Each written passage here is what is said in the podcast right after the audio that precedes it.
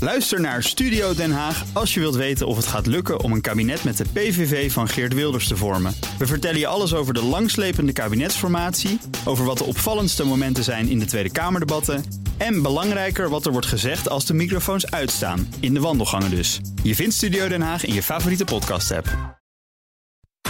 De Friday Move wordt mede mogelijk gemaakt door TUI en Droomparken. Droomparken, je perfecte vakantie of een eigen tweede huis. BNR Nieuwsradio. The Friday Move. We willen natuurlijk het virus zo hard raken als nodig is. Nederland moet de portemonnee trekken als we aandoorhouden van Air France KLM willen blijven. Maar alles hangt af van het gedrag van mensen. Wilfred Gené. Dus kan ik Joris, vanmiddag mijn co-host. Hij doet vanaf morgen weer de afleveringen van Sterren op het Doek. En we spreken de laatste campagne nieuws met onder andere Koen Petersen. En we hopen zo meteen ook te praten met Bernard Hammelburg.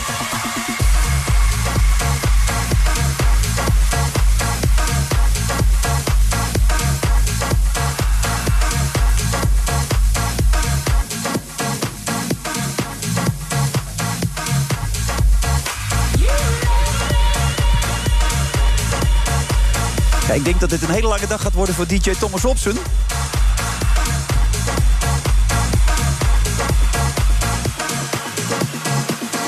Want Euskan is er nog niet. En de verbinding met Bernard Hammelburg wordt op dit moment gezocht. Maar onze DJ heeft heerlijke muziek.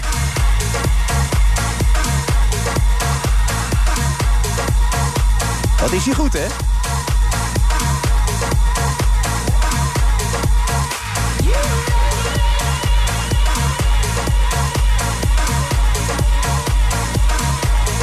Nou ja, kijk eens, dames en heren, daar komt hij aanlopen. Niemand minder dan eh Eus is binnen. Nou, dan kan de show beginnen, want Eus is binnen.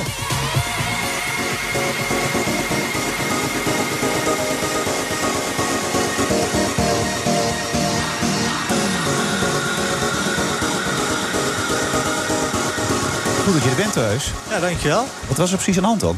Ja, corona-indeling van de parkeergarages. Sommige deuren die vroeger open waren, die waren nu niet meer open. Ja, Je kon, het- je kon het wel vinden, je, je kende dit toch wel? ja dit is, eh, dat weet jij ook. Dit is de vaste afspreekplek van eh, mediamensen. Ja. Die willen altijd Oh, ja, hier ik zag, ik zag vergaderen. je al laatst ook zitten, ja. ja, precies. Ja. Toen was je ook weer met iemand aan het praten. Dus eh, ik kom hier Hoofdredactie van regelmatig. deze zender was dat toen. Ah, ja, oké. Over de toekomst. Ja, en Ziet er hoe, heel- hoe ziet je de ziet toekomst er heel eruit? positief uit. Wel? Ja. Zijn ze hier nog niet zat hier bij Nee, BNR? gek is dat, hè, na zoveel jaar. En waar baseren ze dat op dan? Want je marktaandeel is niet heel hoog, zag ik. Ik heb niet het marktaandeel, eh, ik bedoel, daar ben ik niet alleen verantwoordelijk voor, toch hoop ik? Nee, nee, Voor de hele zeker, zender. zeker. En hoe gaat het Nee. met de podcast van dit programma? Dat weet ik eigenlijk niet. Nou, niet Dus zo even- goed, heb ik ook even bekeken. Nou, wat, wat is dit nou zeg? Ja, nee, ik wat heb- is dit voor insteek? Ja, voorwerk, voorwerk. Ja, dat bereikt me. ik, ik was twee jaar of drie jaar geleden of zo voor het laatst hier. Dus ik ging even kijken hoe het ging. Nu. Ja. Dus dat is toch normaal als je ergens komt dat je... Er wordt mij altijd verteld, maar ik hou die cijfers niet bij... dat dit een van de meest succesvolle programma's van de zender is. En eh, zo niet het succesvolste, maar dat ja, maar is dus dat is helemaal niet niet zo. lastig met al je eh, collega's. Oh, je gaat de rest van de zaak even afbranden hier ook Nee, gelijk. maar ik bedoel, die zetten niet zo hoog in. Jij bent toch ook een beetje het gezicht. Ben ik het gezicht van BNR met 2,5 uur radio? Ah, kom op, niet zo bescheiden. Wat is dat nou voor gelul? Als ik nou een dagelijkse show zou doen... Je maakt op vrijdag de feestelijke afsluiter. Ja, de Friday Move. Dat is toch een eer dat jij dat mag doen? Ja, ik vind het wel een feest om te doen, maar volgens mij gaat dat wel goed. Ja? Ja. De schoen weer helemaal terug naar de bakel van deze zomer? Oh, je hebt, er, je hebt er zin in, heb ik wel weer door. nee, helemaal niet. Ja. Ik ben gewoon wel Ja, eh dat- dat- geïnteresseerd. weet je, bij ons is het altijd een beetje lastig natuurlijk, omdat we elkaar privé ook wel eens zien en spreken. Ja. Van waar, waar ligt dan de grens, hoe we daarmee omgaan natuurlijk. hè? Ja, ja, ja. Hoe gaan we dat doen? Heel spannend. Ja, ik heb erover nagedacht in de auto. Ja, eh, spannend. Ja. Spannend, ja. ja. Gewoon laten gebeuren. Gewoon Ja. laten gebeuren. Grenzen duidelijk aangeven, benoemen. Ja. Daar zijn we allebei van. Mi- minder naïef zijn, Op microniveau analyseren wat er gebeurt. op microniveau zelfs. Ja, ja. Zo van, wat ben je nu aan het doen, Wilfred? Zo. Oh, metataal ook veel ja, gebruiken. ja. Oké. Ja. Maar wat is jouw insteek geweest om hier naartoe te komen dan? Wat was jouw doel hiervoor? Eh, ordinaire promotie van eh, het nieuwe seizoen Oh. van Ster op het Doek. Ja. Ja. Weer is het niet. Eh, nee, het komt ook goed uit. Ik moet vanavond ook in Amsterdam zijn. Dus het past allemaal eh, Mhm. Wat moet je nog meer doen dan vandaag? op één. Oh, Vanavond. oh, kijk aan. Ja, Ook voor Ster op het Doek. ja ik, dat bedoel ik, ordinaire, ordinaire promotie. Je weet hoe het werkt, hè? Ja, Want je bent, jij bent een man met een plan, toch? ehm, een man met een plan. Eh, niet, niet, ja, in elk geval... Een man eh, met een plan, als je het eh, zo zou formuleren... ik wil niet mijn leven verkwanselen. Nee. Ja, dan ben ik wel een man met een plan, ja. Ja, maar volgens mij hadden we het de laatste keer over. Toen zei ik, ik heb eigenlijk overal bij, over- bij alles al een plan, toch? Of, Ja, ja, ja. Maar ik bedoel, dat, dat zijn dus allemaal van die kleine dingetjes. Maar uiteindelijk het grote plan is niet om je leven verkwanselen. Dat is het Oké. grote plan, ja. En Het plan is dan ergens naartoe te gaan, wat een doel heeft, wat, wat zinvol is.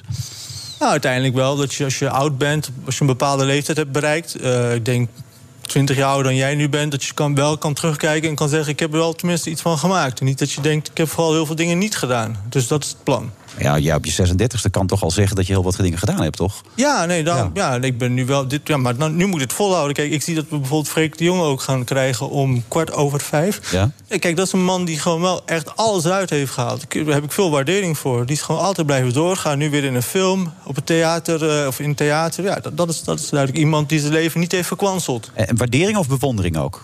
Bewondering ook, heel veel bewondering ook. En vooral ook voor zijn eigenheid. Dat is iets wat tegenwoordig eh, moeilijk te vinden is. Ehm, nou, niet per se in de media, gewoon denk ik überhaupt. De paradijsvogels worden toch niet echt gewaardeerd. Of ze worden een beetje als een eh, curiosium gezien. Dus eh, nee, zijn eh, authenticiteit en tegendraadsheid kan ik wel enorm waarderen, ja. Maar dat is toch ook jouw kracht eigenlijk? En jij wordt toch enorm gewaardeerd op dit moment? Je mag al die dingen doen die je net noemt. Sterren op het doek, maar ook eh, de, de, de kapper, weet je, wat je, dus, wat je hebt gedaan. Eh, je schrijft columns, je doet ontzettend veel dingen. Ja, ik doe heel veel dingen. Ja. Eh, er is ook heel veel waardering. En, eh, maar dat is geen graadmeter. Er moet ook juist heel veel tegengas zijn. Dus mensen die het niet waarderen. Nou, dat Die zijn er ook voldoende. Ja, en eh, dat ken jij denk ik ook wel. Ja. Dus d- ik denk dat je dan goed bezig bent. Zeker als columnist bijvoorbeeld. Er is niks ergers dan dat je een column schrijft... en dat je de volgende ochtend gewoon geen reactie hebt. Dus, dus niet positief of negatief, maar niks. Dus dan heb je ook niks gedaan. Dan... Maar eh, die waardering is er dus gewoon. Dus, dus het is wel mogelijk voor jou. Het is toch wel mogelijk om paradijsvogel te zijn op een bepaalde manier. Of vind je jezelf geen paradijsvogel? Eh, nee, ik, ik vind. Andere mensen zijn veel meer paradijsvogels. Ik ben veel meer een brave burgerman geworden de laatste jaren. Dus in die zin dat ik eh, wel eens flirt met gedachten, met, met, met een bepaalde levensstijl, met, met, met dingen die je misschien. Zoals het zelf- ooit was. Eh, Losse levensstijl. ja, maar toen Drank was en het, vrouwen. ja, maar toen was het nog niet doordacht. Heb je de nieuwe Veronica gelezen? Nee, ik heb Oh, nog niks. eh, hoezo dan? Oh. Nee, dat stond daarin. Eh, dus eh, ja, maar Nee, goed. maar daar heb je genoeg over verteld in alle interviews die je hebt gegeven in het verleden. Zeker, zeker. Ja. En ook over geschreven in romans, et cetera. Dus Ja. dat is wel een, een leven dat ook hoort bij een kunstenaar, vind ik. Dus, dus ik ben een schrijver, dat vergeten mensen wel eens. En dat komt ook door mijn eigen... Het is mijn eigen schuld dat mensen het wel eens vergeten. Maar, maar een, een schrijver moet ook lijden, vind ik. En leid je dan voldoende?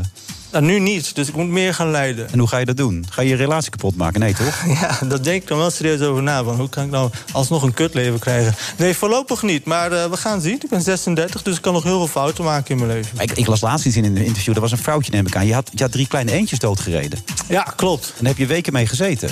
Ja, dat heeft me wel heel erg geraakt, ja. Omdat eh, niet zo... Ja, t- kijk, ze gaan altijd dood en dat gebeurt, Ja, maar... ooit een keer, ja. Maar het was meer dan... Ik leg de lat best wel hoog voor mezelf... met alles wat ik doe in het leven. En ik dacht, had ik misschien iets kunnen doen om dit te voorkomen? Maar ik reed gewoon te hard. Achter mij reed een auto ook hard. Ik kon niet remmen, ik kon niet uitwijken met tegenlicht. En ik reed ze dood. Ik zag in de binnenspiegel inderdaad dat ze geplet waren. Nou, dat maakte mij wel verdrietig, ja. Maar dat is niet alleen die eentjes, dat ook dan kritiek op mezelf van... dit had toch opgelost kunnen worden op een andere manier. Hoe dan? Ja, toch zo sturen dat je ze allemaal net ontwijkt? Ja. Ja, of- Heb je wel eens iets doodgereden? Eh, nee, volgens mij niet. Ja. Nee, ik, kan- ik kan me niet vereenzelvigen met dat gevoel dus, hoe het is. Nee, maar... Het is wel heftig als ik het zo hoor. Nou, misschien wel voor sommige mensen. Ja, het is wel heftig, denk ik, ja. Nou ja, Dus als ik las je- in het interview dat je weken na dato nog van slag was. Ja, nee, nu ik erover nadenk, moet ik weer... Ja, als je, Je schiet vol, zie ik. Eh, Als je, ja, ik ga bijna huilen. Je hebt me al Ja. zoveel. Je bent echt een meester-interviewer al na 10 minuten. Ja. Hey, als je een geweten hebt, dan laat je dat niet los, denk ik. Eh, Dat wordt weer zo'n uitzending. Ik heb er Ja. zin in. Tot half zeven, hè? ja, poeh, lang is dit. Ja. Hij is een wederdienende. Tot zo.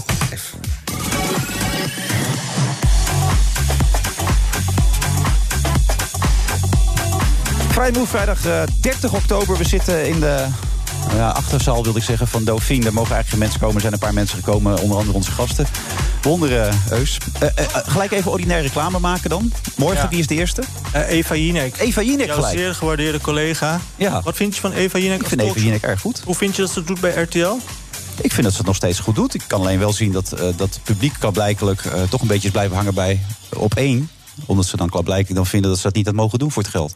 Daar lijkt het toch een beetje op. En Het, waarom- kan niet op het kan niet om het niveau gaan. Waarop baseer jij dit? Eh, dit is nogal, nogal een stevige stelling. Die moet je ergens Nee. op kunnen baseren. Kijkcijfers toch? de kijkcijfers zijn toch lager dan, dan die ze had eh, toen ze op eh publiek omroep zat. Hm? En daarna zei je nog iets over de inhoud. Maar wat, wat Op- heb het je... kan niet op basis van de inhoud zijn. Ik Nee? vind het niks minder dan wat ze deed bij de publieke omroep. Eh, je vindt het niks minder of wel minder? Niks minder. Nee. Nee? nee? ik vind het net zo goed. Ja, ja. nou, in- interessant. Wat wordt dit voor uitzending? Koen Petersen, wat zijn we aan het doen?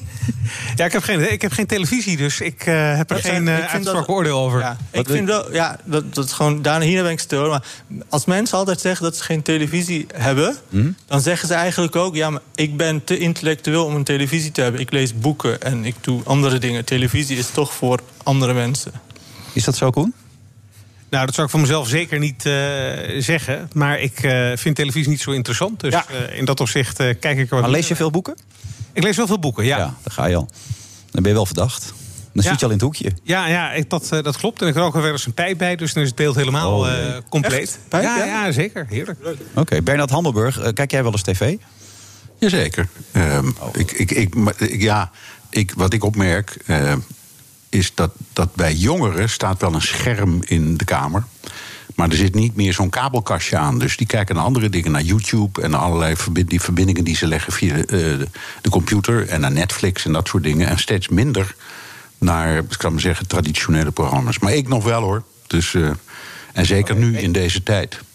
Even, je je bent in New York, hè, voor de duidelijkheid. Ja. Ja. Hoe is het daar met de verkiezingen enzovoort? Staan mensen druk te stemmen allemaal? Het is niet te geloven. Ehm, de, de, de- ik Oké. zit op, op- in, in Manhattan op de 92e straat. Tien straatjes ten noorden van mij, op de 102e straat, is het stembureau waar je al terecht kunt voor de verkiezingen. En daar staan de mensen gemiddeld vier uur in de rij.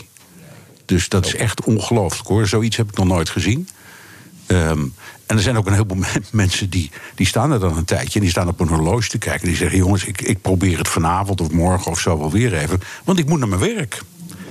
Dus, eh, maar Wat het ik is wel dus opmerkelijk een- vind, jij hebt altijd gezegd dat, dat mensen er niet zoveel voor willen doen. Ik- Misschien kan Koen dat uitleggen. Waar is die grote bereidheid van, eh, waar komt die vandaan dit jaar? Ja, dat komt er vandaan dat de meeste Amerikanen het ongelooflijk belangrijke verkiezingen vinden. 77% van de Amerikanen zegt: dit zijn de belangrijkste verkiezingen die ik in mijn leven moet, eh, waar ik aan moet deelnemen. Dat is meer dan ook dan vier jaar geleden. En twee derde van de Republikeinen, maar ook twee derde van de Democraten, denkt dat de hel en verdoemenis losbreekt als de opponent wint. Dus die Oh. emotie en die betrokkenheid is eh, veel groter dan voorgaande jaren. Oké, dus dat is de belangrijkste reden. Maar is dat zo, Bernard? De belangrijkste verkiezing ooit voor veel mensen? Eh, Ja, nou, in ieder geval in, in, ons, in ons leven. Kijk, als je oud genoeg bent en je herinnert je bijvoorbeeld de strijd Ben je tussen toch? Jo- Johnson en Goldwater, ik geloof in 64. Dat, ge- dat was ook van dik hout, zaagt men planken. Dus het is niet de eerste keer dat er zo'n gigantische strijd is. Maar in onze generatie, laten we zeggen, is dat zeker het geval. En zo, zo voelt iedereen. eh, het, het ook heel duidelijk. Het, je- het mag niet gebeuren dat de ander wint.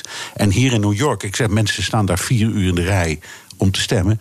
En het heeft ook iets bizars, omdat iedereen nu al weet dat de staat New York in zijn geheel democratisch uitvalt. Dus ook als je niet in de rij gaat staan en zelfs helemaal niet gaat stemmen in de staat New York, maakt het voor de uitslag helemaal 0,0 uit. Oh, waarom doen ze het dan? Ja, tot Omdat ik uit ze- die, eh, uit die betrokkenheid, ook om, en om een statement eh, eh, te maken. eh, wat je ook leest van, eh, over interviews met eh, mensen die in de rij staan, die ook in New York Times uitgebreid aan het woord eh, komen. eh, is inderdaad dat ze echt zeker willen weten dat eh, Trump weggaat. En dat ze ook persoonlijk tevredenheid eh, eruit willen halen dat zij er ook een bijdrage aan eh, hebben geleverd. Ehm, maar tegelijkertijd zie je ook weer heel veel kritiek op hoe die eh, stembussen lopen. De burgemeester van New York, Bill de Blasio, heeft ook vier uur in de rij gestaan om zijn stem uit te brengen. En die klaagt nu bij de gouverneur dat de verkiezingen zo prut eh, geregeld zijn. Dus in dat opzicht eh, leidt het nog wel tot vervolg. eh, Maar er gaan nog veel meer fout dingen fout. Met de post gaat van alles fout, begrijp ik. Er komen, volgens mij had Bernard vorige keer gezegd... er lopen al 120 of 130 rechtszaken of zo. Nou, inmiddels Hoeveel inmiddels gaat er nog- geloof ik iets van 400. Zo. Ja, dat, eh, dat klopt. Wat je ziet bij de post is dat eh, dat hele idee dat er wordt gefraudeerd, dat valt wel mee. Er zullen vast individuele gevallen zijn dat een, eh, een postbode eh, stemmen waarvan die denkt die komen bij de verkeerde kandidaat terecht in de sloot gooit. Maar dat is niet grootschalig en systematisch. Maar wat je wel ziet is dat die staten helemaal niet gewend zijn om met miljoenen of tientallen miljoenen stemmen die per post worden uitgebracht om te gaan. Dus een enorme logistieke operatie waar Vork heeft Lux enorme dozen met stemmen ergens moeten neerzetten. Die moeten allemaal worden opengemaakt. De handtekeningen moeten worden gecontroleerd. Echt een hoop gedoe. En daar zijn die overheden helemaal niet aan gewend. En daar kan aan de operationele, aan de uitvoeringskant verschrikkelijk veel misgaan. En dat zal ongetwijfeld ook wel gaan gebeuren. En wat je ook ziet is dat bij voorverkiezingen eerder dit jaar... bij de Democraten, de, de, de stemmen die per post zijn uitgebracht... dat 2% daarvan is afgekeurd. Omdat de kiezer niet helemaal de goede procedures had gevolgd. En als je bedenkt dat vier jaar geleden Trump in een aantal staten... met minder dan 1% verschil van de stemmen won betekent dat dat dat ook nog een hoop gedonder kan geven. Want als het weer spannend wordt in een staat en er zijn veel stemmen afgekeurd, dan gaan de juristen zich daarop werpen met de vraag of die stemmen toch niet op een of andere manier moeten worden meegeteld. En zo ja, hoe? Ja, je, je hebt wel veel dingen mening, Heus, maar heb je, word je ook warm of koud van deze verkiezingen? Of laat, het, het- laat je. Nee, zeker. Ik heb ook een, eh, een eh, Amerika-special opgenomen met Maarten van Rossum. Dus ik ben helemaal bijgepraat. Eh, mijn indruk is ook dat we op 3 november niet per se een uitslag eh, gaan krijgen. Klopt dat? Ja, de verwachting is dat eh, een aantal staten eh, nog eh, niet weet eh, wie er in die staten gewonnen heeft. Dat komt omdat in sommige staten nog tot twee weken na de verkiezingen stemmen mogen binnenkomen. als ze het poststempel hebben van 3 november of eerder. En het kan ook zijn dat er inderdaad miljoenen stemmen klaar liggen. die pas open mogen worden gemaakt eh, om 8 uur s avonds lokale tijd. omdat dan de stembussen sluiten. Mhm. Ja, dan kost het ook enorm veel tijd om die stemmen eh, te controleren en, eh, en te tellen. Ja. Dus ehm, we hebben een halve uitslag. Wel een richting, denk ik, waar het heen eh, zal gaan. Ik krijg ook een beetje de indruk hoe goed de peilingen zijn. Omdat je dat bij staten die klaar zijn wel kunt eh, controleren. Maar de definitieve uitslag zal ze nog op te laten wachten. En dat kan nog maanden duren. Ja, en nou, na, na alles wat ik heb gehoord vraag ik me ook af... ehm, ja, Amerika wordt nog wel gewoon gezegd, is het nog wel een democratie? En er wordt soms ook een failed state genoemd. Eh, gaat het echt iets wezenlijks veranderen als bijvoorbeeld toch Biden die verkiezingen zou winnen? Dan blijven toch die diepgewortelde problemen in die samenleving aanwezig... als het gaat over kansenongelijkheid, eh, infrastructuur is heel slecht... Nou, de economie heeft natuurlijk nu de, is logisch flink op te halen. Dus gaat er ook wezenlijk iets veranderen? Ik denk sowieso in de toon, omdat eh, Biden natuurlijk een hele andere president zal zijn dan, eh, dan Trump, waar het gaat om zijn stijl. Maar het punt wat je maakt is, eh, is terecht. De, de kloof tussen arm en rijk, tussen stad en platteland. eh, de hele eh, ombouw van de Amerikaanse economie van productie met eh, grondstoffen, met ijzerfabrieken, autofabrieken naar technologiebedrijven. trekt ook een enorme wissel. En dat verandert niet meer omdat er een ander president komt. Dus de problemen die eruit komen zijn eigenlijk gelijk. Dus, dus, Lood om wat ijzer, ijzer is dan toch? Nou ja, er wordt gezegd van dit is een kantelpunt, maar is dat wel echt zo? Is het echt een kantelpunt? hoor? Nou ja, wat je wel ziet is dat eh, bijvoorbeeld Biden eh, het onderwijs wil nationaliseren. Die wil de zorg voor een deel eh, nationaliseren. Die wil eh, investeren in milieu. Ja, dat, heeft wel andere, dat, dat zorgt er wel voor dat die weg naar voren toe eh, anders zal worden eh, neergelegd dan eh, wanneer eh, Trump aan de macht eh, blijft. Eh, maar het is wel bijsturen eh, van de grote ontwikkelingen die er zijn, los van de vraag wie de president is. Daar heb je gelijk in. Maar ik heb de indruk, eh Bernard, dat Joe Biden een beetje achterover aan het leunen is op dit moment. Maar Trump is nog vol actie bezig, toch? Om, Ja, eh, die, dat is steun te ongelooflijk hoor. En, en of die nou onder de doop zit of niet, wat heel veel mensen zeggen, ik, ik weet het niet, maar pet je af. Wat die man allemaal doet aan campagne voeren is ongelooflijk. In die laatste dagen zeker. Van de ene naar de andere bijeenkomst, soms een aantal op één dag. En, en Biden doet het wat rustiger aan. Die voert ook campagne. Maar op een andere manier en ook heel veel online. Dus dat moet je ook niet onderschatten. En even terugkomend op die toon, eh, die de vraag van Eus eigenlijk, die een hele goede is, verandert dan nou wat? Niet zo heel veel, zoals Koen zegt, maar er is toch iets wat ik belangrijk vind. Als je een wat aardiger president krijgt, is dat ook, ook, ook heel goed voor de internationale betrekkingen. Dan komt er weer een beetje normale dialoog met Europa. En misschien niet zo verschrikkelijk ijzervreterige toon tegenover eh, China. Maar wat, s- wat diplomatieker om te bereiken wat je wil. En dat zijn dingen die ons ook aangaan. Dus wat dat betreft denk ik dat dat ook een verschil is waar we rekening mee moeten houden. Niet alleen in Amerika zelf, maar ook ja, wat dan heet geopolitiek of in de internationale betrekkingen. En het feit dat er nu weer een record aantal coronabesmettingen is eh, geconstateerd, heeft dat nog eh, enige invloed op de verkiezingen, denk jij? De Jazeker. nadelen bijvoorbeeld van Trump? Jazeker, ja, jazeker want kijk, het, het punt is heel belangrijk... is de stem van de, van de senioren, de ouderen. Dat zie je nu in Florida gebeuren, wat echt een heel spannende strijd is. En dat komt omdat heel veel ouderen die echt Trumpisten waren... nu zeggen, ja, hij heeft van die eh, pandemie zo een puinhoop gemaakt... en wij zijn de ri- risicocategorie. We zijn nog steeds overtuigd republikein... maar we gaan echt niet meer op die man stemmen. Dat hoor je echt heel veel. Dus dat is, i- ik, kan niet, ik kan niet precies beoordelen hoe groot die groep is... maar hij is wel heel luidruchtig. Maar bestaat er nog zoiets als een zevende kiezer nu in Amerika? Of is het meer eh, wie gaat echt de moeite nemen om zijn stem uit te brengen? eh, Ik, ik denk... Ik, eh, ja, ga je- ja, Koen weet dat precies. Nou ja, volgens onderzoeken is het eh, eh, nog geen 5% dat nu nog eh, zijn mening eh, niet heeft bepaald. Dus het is vooral zaak om die mensen die wel hun mening hebben naar de stembus te laten gaan. En eh, niet thuis te laten zitten. Daar is meer winst te halen dan nog kiezers te overtuigen van de Democraten naar de Republikeinen of omgekeerd. Nou, de komende weken nog genoeg, genoeg te bespreken. Koen, bedankt. Dat zeg ik ook tegen jou, Bernard. Oh, Bernard is weg. Nee hoor, ik ben er Toilet gewoon. toegegaan. Ik Oh, oké, loop niet Bernard. zomaar Dankjewel, weg. Bernard. Zeg maar nou. Groetjes. Ja, hey, prettig weekend, man.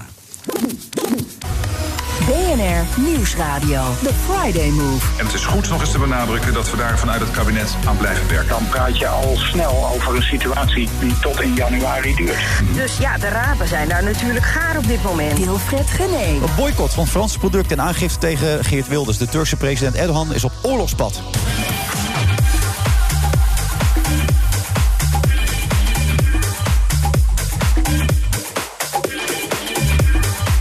En Mijn co-host vandaag is eh, Eus. Eus, je had het net over het feit dat ik jou vol liet schieten. Met die eentjes, althans bijna natuurlijk. Maar het is jou bij Eva Jinek ook gelukt, eh, begreep ik toch?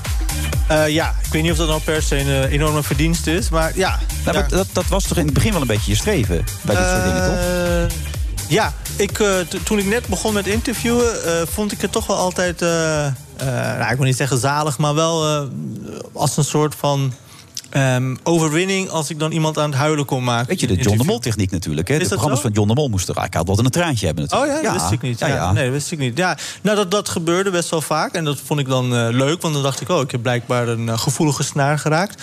En eh, ergens in de zomer dacht ik van... ja, wacht eens even, iedereen zit nu te, interview- eh, te huilen in mijn interviews... dus dit wordt een maniertje, dus ik wil het niet meer doen. En eh, bij haar was het zo...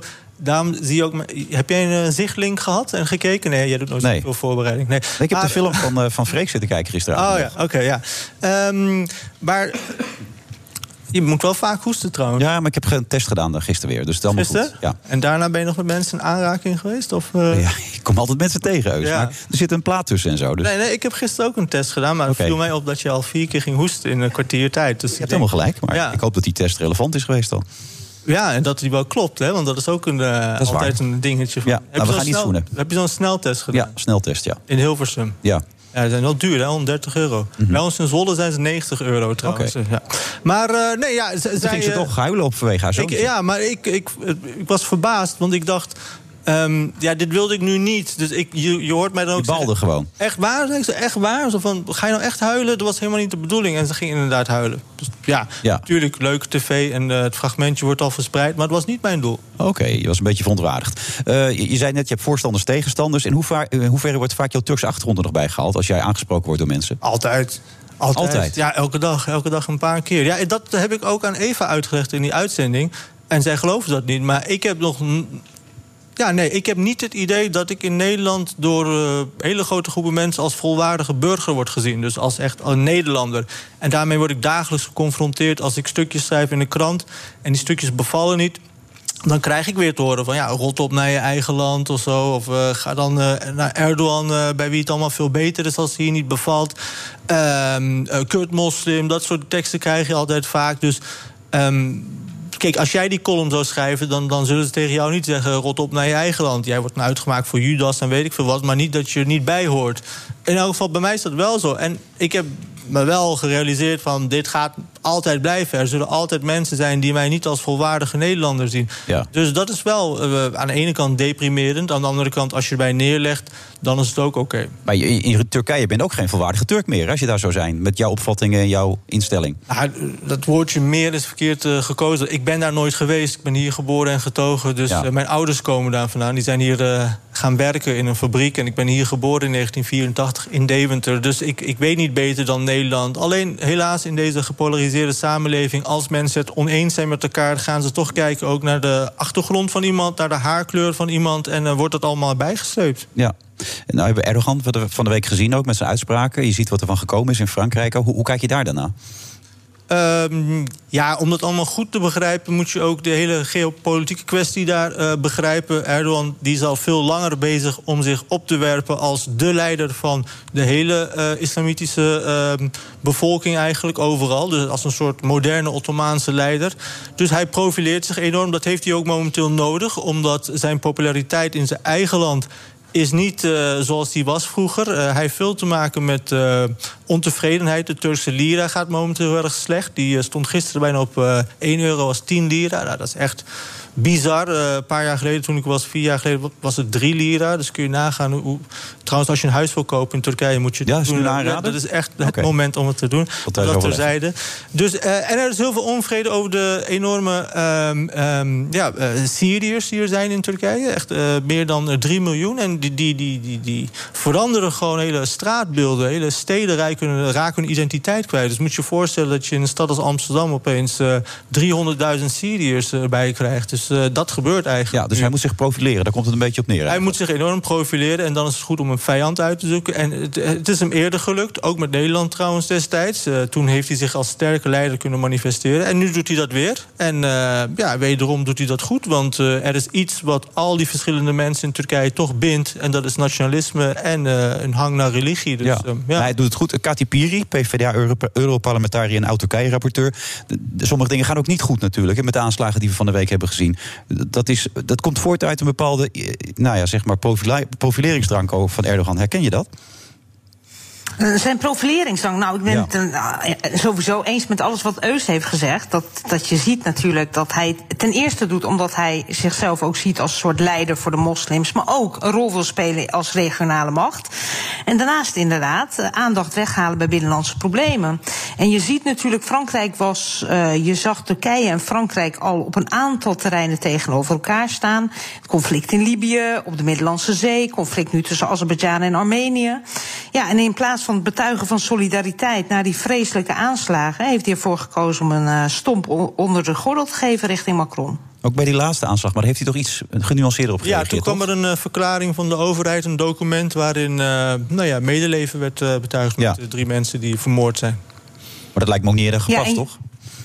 Ja, nee, uiteraard. Dat, dat hoort denk ik ook de eerste reactie te zijn van el- elk weldenkend, eh, weldenk- weldenkend mens. En ik zag net, half uur geleden, dat eh, de Franse president Macron nu ook een steunbetuiging heeft eh, betuigd eh, richting eh, eh, Erdogan voor de verschrikkelijke aardbeving die natuurlijk net een uur geleden heeft plaatsgevonden bij Izmir eh, waar, en Samos, eh, waarbij eh, het ernaar uitziet in ieder geval een aantal mensen ook eh, zijn omgekomen. Dus misschien dat dit hopelijk nu die scherpe randjes van die hele felle eh, woorden tegenover elkaar eh, eraf haalt. Ja, nou ja, dus Eus had het net al over vele Syriërs. Maar dat is natuurlijk sowieso het probleem ook. Met al die migranten die er nog zitten, waar Europa niet op zit te wachten. Dat heeft hij natuurlijk ook nog steeds achter de hand. Hoe gaat hij daarmee om op dit moment? Ja, ik denk dat het heel moeilijk is wanneer het natuurlijk economisch niet goed gaat in je land. Om, om dan ook nog eens voor eh 4 miljoen mensen eh, te zorgen. En eh, daar zit er natuurlijk wel iets van Europese steun bij. Maar laten we eerlijk zijn, verreweg de grootste kosten voor de opvang van de Syrische vluchtelingen in Turkije worden gewoon gedragen door de belastingbetalers in Turkije zelf. Eh, en doordat die relatie natuurlijk de afgelopen jaren ook alleen maar verslechterd is, eh, ja, heeft Erdogan het ook een beetje aan zichzelf te wijten. Dat daar natuurlijk heel weinig solidariteit is vanuit andere Europese landen. Om eh, te helpen met bijvoorbeeld kwetsbare mensen over te nemen. We zagen zelfs de Nederlandse regering. Die vindt het zelfs heel moeilijk om vluchtelingen over te nemen uit de Griekse eilanden. Hè. Zelfs wanneer hun kamp afbrandt. Eh, laat staan eh, dat er rechtse partijen in Nederland het akkoord zouden ve- geven om ook nog eens vluchtelingen uit Turkije over te nemen. En tegelijkertijd geeft dat hem natuurlijk een enorme machtspositie. Want als hij zegt, jongens, eh, ik gooi die hekken om, ik eh, werp alles om... en ik laat eh, die eh, vluchtelingen los en ze komen jullie kant op... eh, ja, wat gaan we daartegen doen dan? Dus, dus dat blijft... Hij hij chanteert natuurlijk ook wel heel veel Europese leiders. En dat kan, met de positie die hem is gegeven. Z- Zeker, en niet alleen chanteren, hij heeft het gewoon ook gedaan. Hè? Afgelopen februari, begin dit jaar nog, net voor de uitbraak van de coronacrisis... zagen we natuurlijk wat er gebeurt op het moment dat Erdogan bussen bestelt... en gewoon mensen letterlijk naar de Griekse eh, grens bust... en zegt, eh, de, de hekken staan open, ga, ga maar naar Europa. Maar, maar loopt dit nu weer met de sisser af? Er Is in het verleden natuurlijk vaak genoeg een crisis geweest met, met Turkije? Of denk je dat het dit een serieuzer geval gaat zijn? Nou ja, kijk, het is wat structureler dat in ieder geval Frankrijk en, en Turkije echt recht tegenover elkaar staan in een aantal conflicten. Maar ik denk eh, dat we volgende week het weer hebben over een ander akkefietje. Want eh, Erdogan die zorgt er in ieder geval altijd wel voor dat hij elke week weer met een schandaal in het nieuws komt. Ja, maar hoe moet Nederland zich hier tegen opstellen? Je had het al over gehad dat Sigrid Kaag misschien bepaalde nou, a- afspraken moest gaan maken. Als het gaat ook over eh, de handel enzovoort. Hoe sta je daar nu in? Kijk, ik denk wat we altijd doen met Turkije is eigenlijk alleen maar reageren. Hè? En dan ook nog eens traag en laat en zwak. Economie is onze belangrijkste kaart. Dus ik denk dat we dat veel beter zouden moeten inzetten. Niet zozeer met sancties, want die raken de Turkse bevolking. Maar probeer Erdogan eens een keer te verleiden om hervormingen door te voeren. Om eh, zo die handelsrelatie te intensiveren. Het zal niet makkelijk zijn, maar dat is de enige optie die ik zie. Is dat reëel? Heus? nee, gaat niet gebeuren. Gaat niet gebeuren? nee. nee, nee. Nee, gaat zeker niet gebeuren. En eh, je, gaat ook, je zag al een beweging van Erdogan eerder altijd richting Europa. En eh, nu gaat hij de andere kant op om te kijken wat daar te halen valt. Hij heeft natuurlijk zo'n bizarre positie ook... dat hij zowel met de Amerikanen als de Russen flirt. Dus eh, het is een heel interessante eh case. Maar wat, eh, wat net gezegd werd, eh, er is altijd weer een nieuw schandaal. Dus volgende week praten we over iets anders. Ja, nou gaan we er volgende week over doorpraten. Katy Piri, bedankt.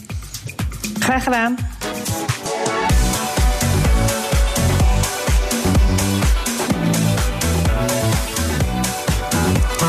De Friday Move van vrijdag 30 oktober met een eh, serieuze journalistiek interview heb ik Ja, net gehoord. nee, eh, Wilfred is aan het solliciteren voor een positie bij Opeen. Nee, nou, Zie nu ik ze wel. Paul Leeuw hebben genomen is het kansloos natuurlijk. Ja, maar jij bent toch iets journalistieker, heb ik net gemerkt. Maar eh, wat vind je eigenlijk van die keuze voor Paul de Leeuw? Kijk, jij, ik ken jouw tactiek. Jij hebt een mening daarover. En nu ga je proberen om mij die mening te laten Maar dat is toch vertellen. Dus- Eh, mijn rol, Eus? Ik bedoel, ik ben de interviewer en jij bent de gast. Nee, ik ben co-host. dus Jij bent ik ben co-host. mede-interviewer. Dus ik eh, kaats hem toe. Wat vind jij van de keuze eh Ik vind hem uitermate opmerkelijk. Opmerkelijk. Waarom Ja. dan? Nou ja, wat je zegt, een bepaalde journalistieke achtergrond zou misschien wel op zijn plaats zijn voor dit programma. Aan de andere kant kun je zeggen, het is out of the box gedacht. Mhm. Misschien kan hij ons enorm verrassen en kan hij beter interviewen dan we met z'n allen denken. Ja, maar jij vindt eigenlijk dat hij daar niks te zoeken heeft. Nou, dat heb ik niet gezegd. Ik vind het opmerkelijk. Ja. Oké, wat vind jij ervan, Eus? Ik heb daar niet zo'n mening over. Ik wist dat je dat zou zeggen. Ja. Ik wist dat je zo voorspelbaar bent wat dat betreft.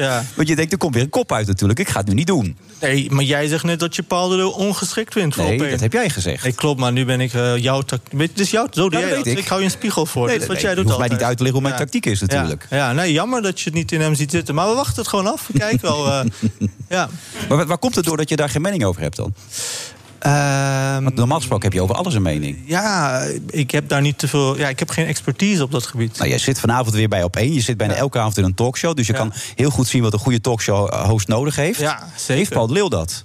Ik heb hem nog nooit gezien als talkshows. Dus ik moet het even afwachten en kijken wat er gaat gebeuren. Dit is gewoon voor de school van journalistiek, hè, deze wat we nu aan het doen zijn. Dan kun je gewoon eh, op die manier kun je nog een hele tijd doorgaan. Kijken of je er uiteindelijk gaat komen. Maar dat gaan we niet doen, want inmiddels aangeschoven artsen Lester Duperon en eh, Thijs Steeman. Hartelijk welkom, heren. Dankjewel. Dankjewel. Thijs, je hebt een wilde koep, hè? Ja, dat, ik heb er jarenlang mijn best om gedaan. Om ja, daar ik zie vanaf je te binnenkomen. komen. Ik denk, Dat zo, is die echt- Thijs heeft een wilde koep, hoor. Hey. Ja, nou, en bedankt. Ja, nee, ik bedoel, het is radio. Ik moet het een beetje uitleggen misschien. Nee, maar... Mijn hele mid- middelbare school tegen gevochten. Ik heb op een gegeven moment de hoop opgegeven. Dit is wat het is. Het staat echt alle kanten op, ja. het is- Nee, dat viel gewoon op. nee, eh, nee, ik werk ook in de kindergeneeskunde. Ik krijg regelmatig tekeningen van kinderen ervan. Dus Ja, dat, eh, ja. dat is wel makkelijk voor die kinderen dit. ja dit, is, dit is goed te doen. Ja. Ja, dus te overzien inderdaad. Lester, maar je kent hem ook al jaren, dus begrijp ik. Ik ken hem al jaren, Op die zeker. manier En ook. Niet anders, ja. Nee. Nee, Ja. het is een soort klinieklown altijd al Ja. geweest. Oh, jij noemt hem een kliniek. Nou.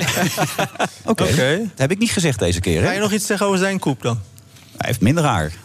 Daar valt, daar valt minder over te zeggen. Toch? Minder? Nou ja, jij kan hetzelfde doen als wat jij hebt gedaan, toch? Je Ja. hebt het ook weer laten implanteren, toch? Ja, ik allemaal? heb het laten implanteren. Dat kunnen jullie allebei ook doen trouwens. Ja, ja, moet ik er nog wat meer bij nemen? of Nou ja, niet? je hebt een groot dus- er is nog voorhoofd. een stukje waar- Oh ja, ja, ja. ja, ja. vanuit mijn wenkbrauw naar achter. Ja, het Jij? kan allemaal. Hoe oud ben jij? 35. Oh ja, dit is wel het moment hoor. Oh, Je kan het hier nu doen. Ja, ik deed Ja. ook toen ik 35 was. En hoe lang gaat dit nu mee? Eh, dit, dit de rest van je leven. De- d- Oké, dat blijft gewoon. Ja, zeg dan, maar, eh, garantie. alles sterft af en dan blijft dit nog over. Ja, wat je hebt geïmplanteerd blijft. De rest kan nog afsterven. Ja. Volgens mij hebben we ooit- ook ooit geschreven over een medicijn tegen kaalheid. Vertel er eentje. Dat is gelijk goede anekdote uit het boek Dokter, ik las in de krant dat. Die staat er dan niet in. Nee, die maar, heeft het eh, boek staat niet, er geha- niet in. Nee, die heeft het boek niet gehaald. Nee, nee. Nou, wat ik ooit heb gehoord, en misschien, ik weet waar het boek over gaat, ik wel. Ehm, volgens mij, ik heb een keer gehoord bij de Turkse kapper dat, dat je knoflook op moet smeren als je kale plek hebt. En dat dan gaat groeien. Heb je dat wel eens gehoord?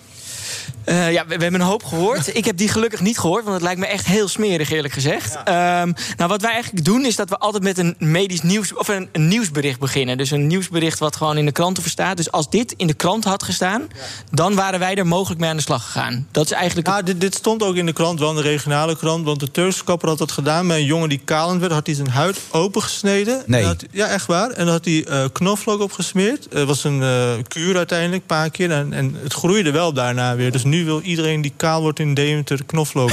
Waarom heb je dat niet gedaan dan? Nou, ik geloof er niet in, maar dit is dan wel zo'n dingetje, ja. Waar heb jij het laten doen dan? In Turkije? Nee, hier in Amsterdam. Oké, goed. Ja. Maar nu wel over het boek. Heb je het gelezen? Nee, we krijgen net van... eh Thijs krijgt het in mijn handen geduwd. Heb jij het gelezen? Eh, nee, ik krijg het ook net. Dat bedoel ik maar. Dus zijn we zelf op hetzelfde Nou, dan, niveau. dan Maar komen we veel meer gewoon volgende week maar weer terug. Het gaat natuurlijk vooral om de insteek. Jullie hebben dan steeds een viertrapsraket bij die nieuwsberichten Ja, eh, uitgewerkt. Toch, daar Ja. komt het op neer. Ja, dus we, we, we, eh, vragen ons altijd af, wat suggereert de kop? Eh, waar komt het nieuws vandaan? Is het echt iets nieuws? En dan eigenlijk het belangrijkste, wat kun je er nu concreet mee? Oké, nou, eh, sli- slikt vitamine, eh, vitamine D is op dit moment tegen corona. Hele belangrijke les. Ja, ja. Zeg het maar. Nou ja, daar, daar hebben we een kort stukje over geschreven. Omdat er verschillende media al vrij uitgebreid ook er- over hadden geschreven. En het is een beetje lastig dat daarbij. eh, het is allemaal wat circumstantial evidence. Maar ik- ik denk. of Wij denken dat eigenlijk met vitamine D nu is. baat het niet, dan schaadt het niet. Als, je, Oh. als je het voorzichtig inneemt. Dus gewoon één tabletje per dag. Ja, het is geen schokkend verhaal wat je nu vertelt. Pure chocola werkt goed tegen hoesten. Eh, dat is niet. Ja, dat is- dat is Maar een van wel onze- de- dat ja. is wel echt de classic. Ja. Ja. Of een van onze, een van onze Ik eet maar klassiekers. echt ziek Ja. aan eh, En die- pure chocola de Ja. laatste tijd. Ja. Ja. En je was Ja, net nog en aan je het bent- hoesten. precies. Ja, Nou ja, daar ga je al. chocola.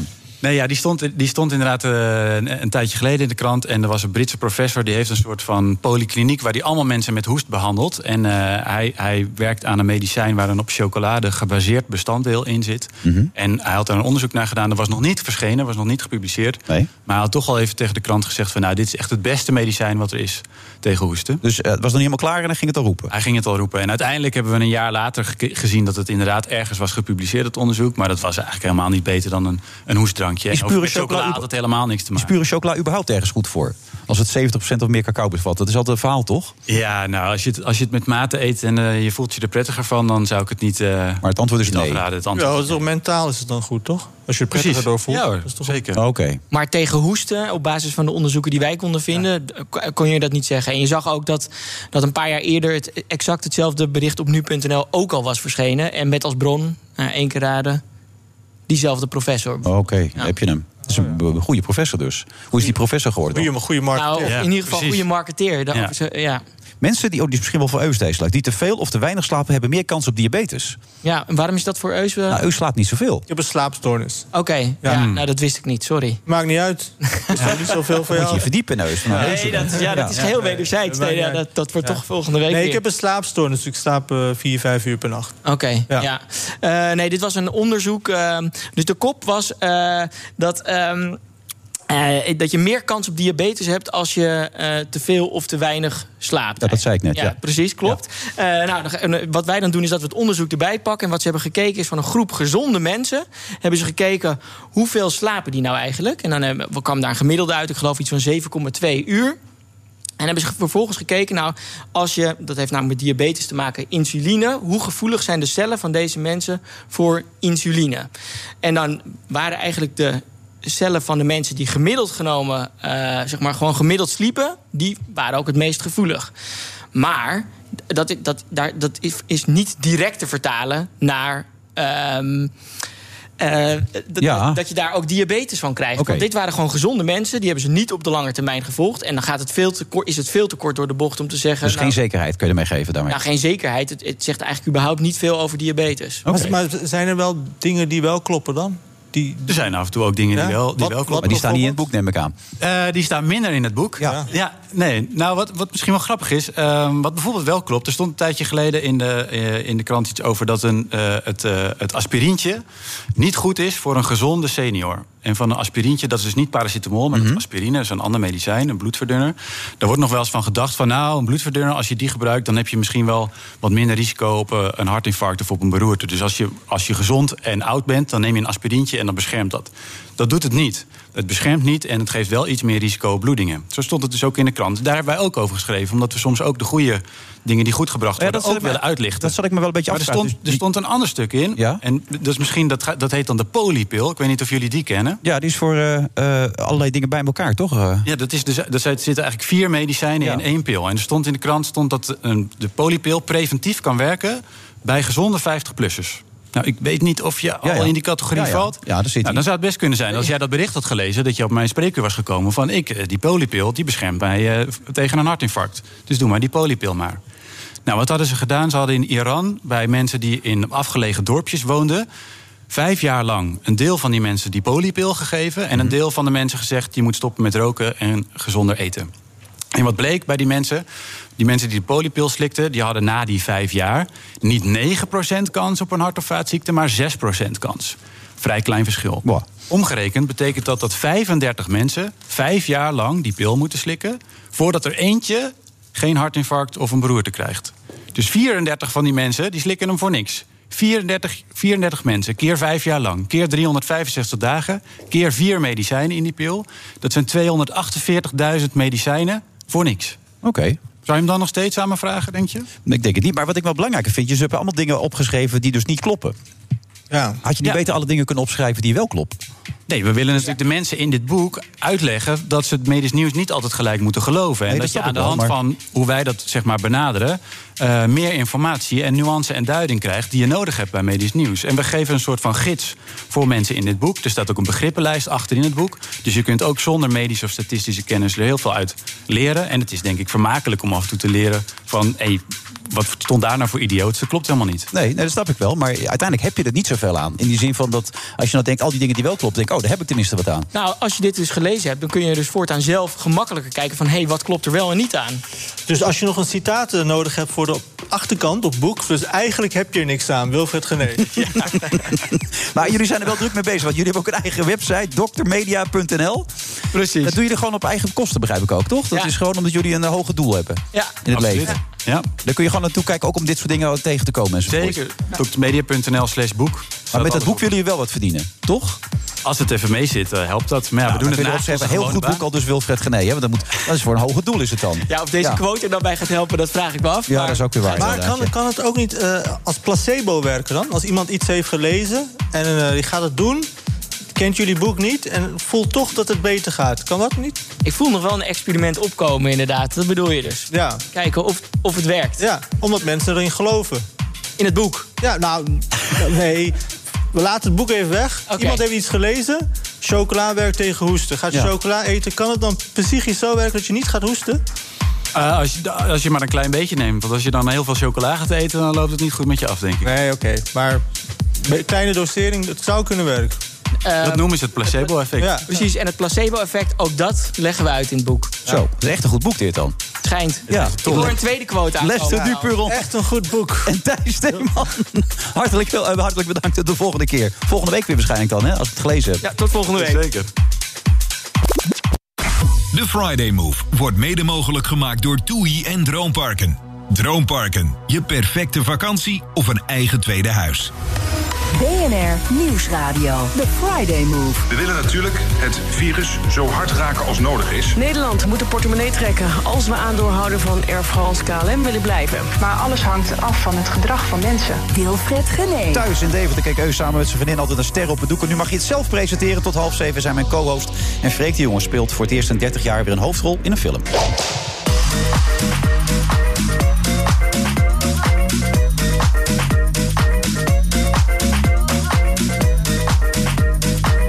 Zo gezegd, eh, Eus als eh, co-host. Dat is een tijdje geleden, Eus, eh, dat je hier was. Waar- Wat was de reden daarvan eigenlijk? Ja, Wilfred, zoals je weet loopt het altijd uit de hand als ik hier ben. Hoezo? Nou, we hadden ene keer hadden we ruzie met Peter de Vries, meen ik me te herinneren. Weet je dat nog? Oh ja. Ja. En toen hadden we ruzie met eh, Thierry Baudet. Die is later nog weer teruggekomen, dat wel. Oh, nee, toen niet. Die dag niet. Toen is hij weggegaan. Nee, hij is definitief, uit de ja. uitzending gelopen. Toen een keer was ik bij jou, hadden we ruzie met Klaas Dijkhoff. Oh, dat is op tv was dat? Ja, dus eh, ik dacht, Wilfred en ik, dat is niet echt een eh, goede energie die daarvan eh, Oké. uitkomt. Ja. Hoe, hoe- hoe zou je onze relatie willen omschrijven dan eigenlijk? Problematisch. Ja, hè? Ja, wij halen het slechtste bij elkaar eh, naar boven. Maar daag ik je daardoor ook uit om mij altijd een beetje eh, te prikken, te duwen en te... Nee, helemaal niet Nee, juist. totaal Nee, niet. Jij bent zo eh, d- doorzichtig iemand. En dat ga ik dan benoemen. En dan word jij ongemakkelijk. En dan gooi- ja, ga je meer gas geven. En doe ik dat ook. En ja, wat ik zeg, dan eh, halen we het slechtste bij elkaar naar boven. Ja. Het levert er ook hele leuke momenten op daardoor. Ja, ik eh, vroeg me dus net af of er nazorg wordt verleend aan de gasten. Want eh, ze gaan allemaal hier wel weg van eh, wat, wat was dit? Eh, Waar, waar, waar heb ik ingezeten? Ja. Was er een heel goed interview net over het boek? Ik Wat weet niet markeerde of zij eraan dat dan? zo hebben ervaren. Eh, nou ja, eh, Jij hebt je best gedaan, denk ik. Maar het ging eerst over het haar van die jongen. Het was heel opmerkelijk haar. Ja, en toen was die andere ook kaal, zagen we. Dus daar ging het heel lang over. Heb je me nog een tip gegeven ook? Ja, nee, dat- zeker. Aan de Hair Science Institute Amsterdam. Ja. Maar eh, ja, eh, en die andere meneer, die ging me meteen schofferen... omdat hij eh, een beetje be- pedant ging lopen doen, dat hij geen tv had. Dat was ook niet echt sterk, denk ik, van ons. Dat was jouw opening. Jij vond ja, dat jij, maar jij hield irri- me ook niet tegen of zo. Nee. Nou ja, toen hij ging bevestigen dat hij ook nog heel veel boeken las. Ja, dat was wel... werd hij wel verdacht. Ja, hij, Ja. hij beve- bevestigde wel mijn vooroordeel. Jij denkt dat als wij samen een tv-programma zouden gaan doen... dat er niet veel mensen gaan komen? Ik denk dat met drie dagen van de buis wordt gehaald. Dat denk je echt? Ja. Oké. Ja. ja. Nou is dat in mijn geval wel eens vaker gebeurd. Maar eh, nee, dan moeten we dat niet doen. Maar heb je zelf die ambitie nog wel eens om een talkshow te gaan doen? Echt in je eentje? Ehm, denk het niet, nee. Nee, ik ben geen studiopresentator zoals jij. Dat kan jij heel goed. En dan moet je uit een bepaald soort hout gesneden zijn. Maar dat is niet mijn stijl, dat is niet mijn vak. Dat kan ik niet. Dit vind je fijner. Sterk op het doek, een beetje met de E- EEG en zo. Dat, precies. Oh, dat is met één camera, moet ik even uitleggen voor de luisteraar. ENG-reportageachtige programma's, dat- ja, die liggen mij vooralsnog eh, beter. Ja. En waar komt dat door dan, denk je? Ehm, dat heeft vaak te maken ook met het feit dat studioprogramma's heel erg gescript zijn. Dus eh, je moet je houden aan eh, tijd en format. En, eh, nou, jij hebt dat niet, weet ik dan. Maar bijvoorbeeld bij op één of zo, dat zie je. Dan hebben ze vragenlijsten die ze moeten afwerken en zo. En, eh, ja, dat, Maar dat zou je toch kunnen bedingen? Ik bedoel, Martijn had, had op een gegeven moment ook enorme vrijheid... gewoon bij de wereldrijd door. Die bepaalde toch gewoon hoe die het maakte? Ja, maar dat is iets wat hij na eh, tien jaar eh, opbouwde. Dus dat- je kan niet binnenkomen als snotneus en zeggen... ja, ik wil het op je bent mijn geen manier Mhm. snotneus ermee. Je bent nu 36, je hebt het een en ander laten zien. Je, wordt, je bent gewild. Mm, Ja, maar niet als studiopresentator. Dus Echt niet? Nee. Je wordt, je wordt nooit gevraagd, de studiopresentator. Kijk, dit is weer dat jij informatie hebt Nee, ik gekregen. vraag het van aan mij jou. voor- Die- die had ik ook aan jou gevraagd als ik het niet had geweten. Ja, ik, ik word regelmatig gevraagd als studiopresentator. Nou, da- ja. Daarom, dus zij zien daar wel iets in dan, ja, klaarblijkelijk. ja, zij wel, maar zij zijn natuurlijk eh, wanhopig. Dus dan komen ze ook bij mij. Oh. Ja. ja, is de wanhoop groot in Hilversum, zeker in de publieke omroepsector? Ik heb niet het idee dat wij nou enorm overlopen van talent in Hilversum. Jij wel? Ehm, die is van ons samen dan, hè? Dan zeg ik ook nee. Nee, nee. Dus ja, dan, gaan ze, dan, dan kom je toch eh, bij één oog. Hè? Dus eh, nee, ik heb niet het idee dat er nou heel veel talent rondloopt in Hilversum. In elk geval eh, iemand die een talkshow zomaar kan dragen. Op een manier zoals Matthijs dat deed. En eh, Jeroen Pauw dat heeft gedaan heel lang. En Eva nu doet. Je moet, ja, dat is toch wel uniek. En de vooravond, hoe is dat? Dat is net nieuw, hè? Eh, ja, ik hoorde jou net daar iets over zeggen. Misschien kan je dat herhalen. Wat? Nou, wat je net tegen mij zei toen we niet live waren. Je zei het zo de vooravond. Ik zei dat hij wel een bepaalde energie heeft, zei ik. eh, Wie? de presentator. in Wat voor, kwestie. wat voor energie dan? Nou, dat hij wel een beetje die jeugdigheid heeft. Oh, die vind je dus heel goed. Ik vind ze qua jeugdigheid heeft hij wel iets inderdaad, ja. Maar dat is toch geen verdienst dat je jeugdigheid hebt? De Jongens, Hij heeft een 32 bepaalde energie en ik vind energie altijd heel belangrijk. Ah, Oké, en Ja. eh, hoe vind je dat zijn eh, rechterhand het doet? Ja, nu word ik weer eh, weggezet als iemand die rancuneus is. Ik vind dat ze het best aardig doet. Maar zeg je dat nu omdat je geen koppen wil in bepaalde kranten? of vind zeg je dat ze het best aardig doet. Wat, wat bedoel je met best aardig? Want dat is geen enorme. ehm, nou ja, geen lofzang is dat. Best aardig. Best aardig. Ja, dat is toch Koos voldoende? Peter het ook best aardig. Nou Dus- nee, Koos Top deed, deed het gewoon ronduit slecht. Dat Ja. was op een gegeven moment, eh, kon die, die raakte dit het bord niet eens meer. Ja. Dus dat is heel iets anders. Maar best Ik denk dat- aardig impliceert, impliceert dat dat, dat- iemand nog niet, er- dat er nog- iemand er nog niet is. Nee, die Filan kan nog wel wat leren. Maar dat Wat- vind jij wat- toch ook, neem ik aan? Ik kijk niet zo vaak. Wat, Oké, wat kan dan ze ga je die leren? kant op. Hey, even over het programma van morgen. Eva Jinek. En daarna, wie heb je nog meer? Ik was eigenlijk wel benieuwd wat je nou van de vooravond vond. Nee, want dat vroeg ik aan jou. En je doet er nu alles aan om het je mij neer te leggen. En nu heb ik wel voldoende gezegd. Dus ik was even benieuwd wie nog meer als gast had. Bij eh, Ster op het Doek? Ja, Ster op het Doek. Ja. Ehm, nou, morgenavond beginnen wij met Eva Jinek. Eh, dan hebben Dat wij... heb je al verteld. Dus die, eh, die heeft gehuild. Dat Ja, weten we. Ja. En, wa- eh, zeg maar, het is nu een running gag geworden dat jij steeds herhaalt dat ze heeft gehuild. Ja. En wat is dan... nou, ik vond het zo zeg maar- grappig. Dat kwam gisteren in Boulevard, geloof ik, voorbij, toch? Dat, dat ze had gehuild. Ja. Dus dat blijkt dan toch wel echt een ding. Ja, maar dat jij het nu vier keer herhaalt, daar zit iets achter. Dus ik vraag me wat daarachter zit. Nou, meer het feit dat ik had gelezen dat je het eigenlijk niet meer wilde. Maar dat heb je uitgelegd. Dat je uiteindelijk eigenlijk een beetje, een beetje ontstemd was dat ze ging huilen. Ja, maar als ik het uitgelegd heb, waarom ga je dan nog steeds door daarmee? Dus zo zit ik in elkaar, eh, Eus. Dat weet jij. Dat vind ik een running gag om het vast te houden. Is dat dan een soort ehm, intellectuele tekortkoming van jou of gebrek aan humor? of Zou wat het heel is goed het kunnen zijn. precies, Adriaan van Dis zie ik er ook staan. En Jannie van der Heijden komt ook nog voorbij. Ah, ik heb nog geen antwoord op En mijn vraag. Gerard Pol- Nee, dat weet Nee, ik. Maar ik we, wil wel moeten, weten we van- moeten jou hier ordinair gaan promoten, namelijk voor Ster op het Doek. En daar ben ik We hartstikke hard we mee hebben bezig. een professionele grappenmaker, Freek de Jonge, die kan misschien die grap dan beoordelen. Dat je het steeds als running gag gaat Ja, dat zeggen. is goed. René Vroger, Het merkelijk valt me op trouwens. dat jij ook de enige bent die erom lacht in deze ruimte. Nee, maar dat is sowieso. Dat weet jij, dat is mijn probleem. Je kent mijn privé ook een beetje. Even en, eh, kijken hoor. Ja, Nou, de mensen, ik lach de altijd Mensen het kijken nu hardst naar jou omdat je een beetje zenuwachtig wordt, maar dat maakt niet uit. Ja? Oh ja, ze kennen mij lang genoeg om te weten dat het wel meevalt. Maar ik, ik moet altijd heel hard om mijn eigen grappen lachen. Ja. Dat is absoluut waar. En vind je ze ook leuk?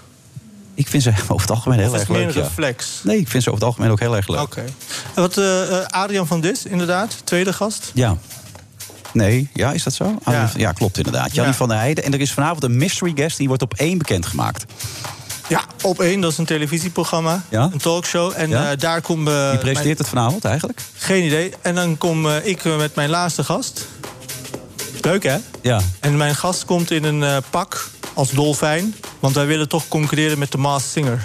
Dus dan gaan ze aan het einde van opeen gaan mensen ontdekken wie er in dat pak zit. Maar dat is wel een grootheid dus. Of nou, alhoewel een Enorm. grootheid gaat niet in zo'n pak zitten, denk ik. De, de allergrootste in zijn vak. Echt waar? Ja. Mart Smeets? Die is al geweest. Oh, die is al geweest? Ja.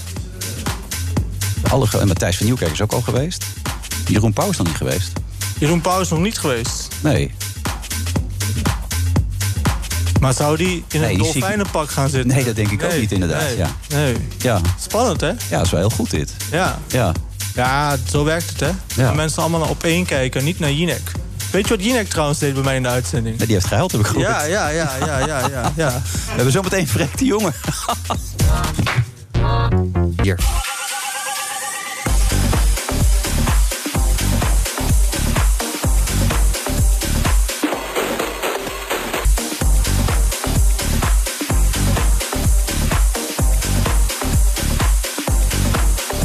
Friday Move vrijdag 30 oktober. Met Eus en Freek de Jonge inmiddels ook aangeschoven. En ik weet niet of je geluisterd al hebt, Freek, tot nu toe.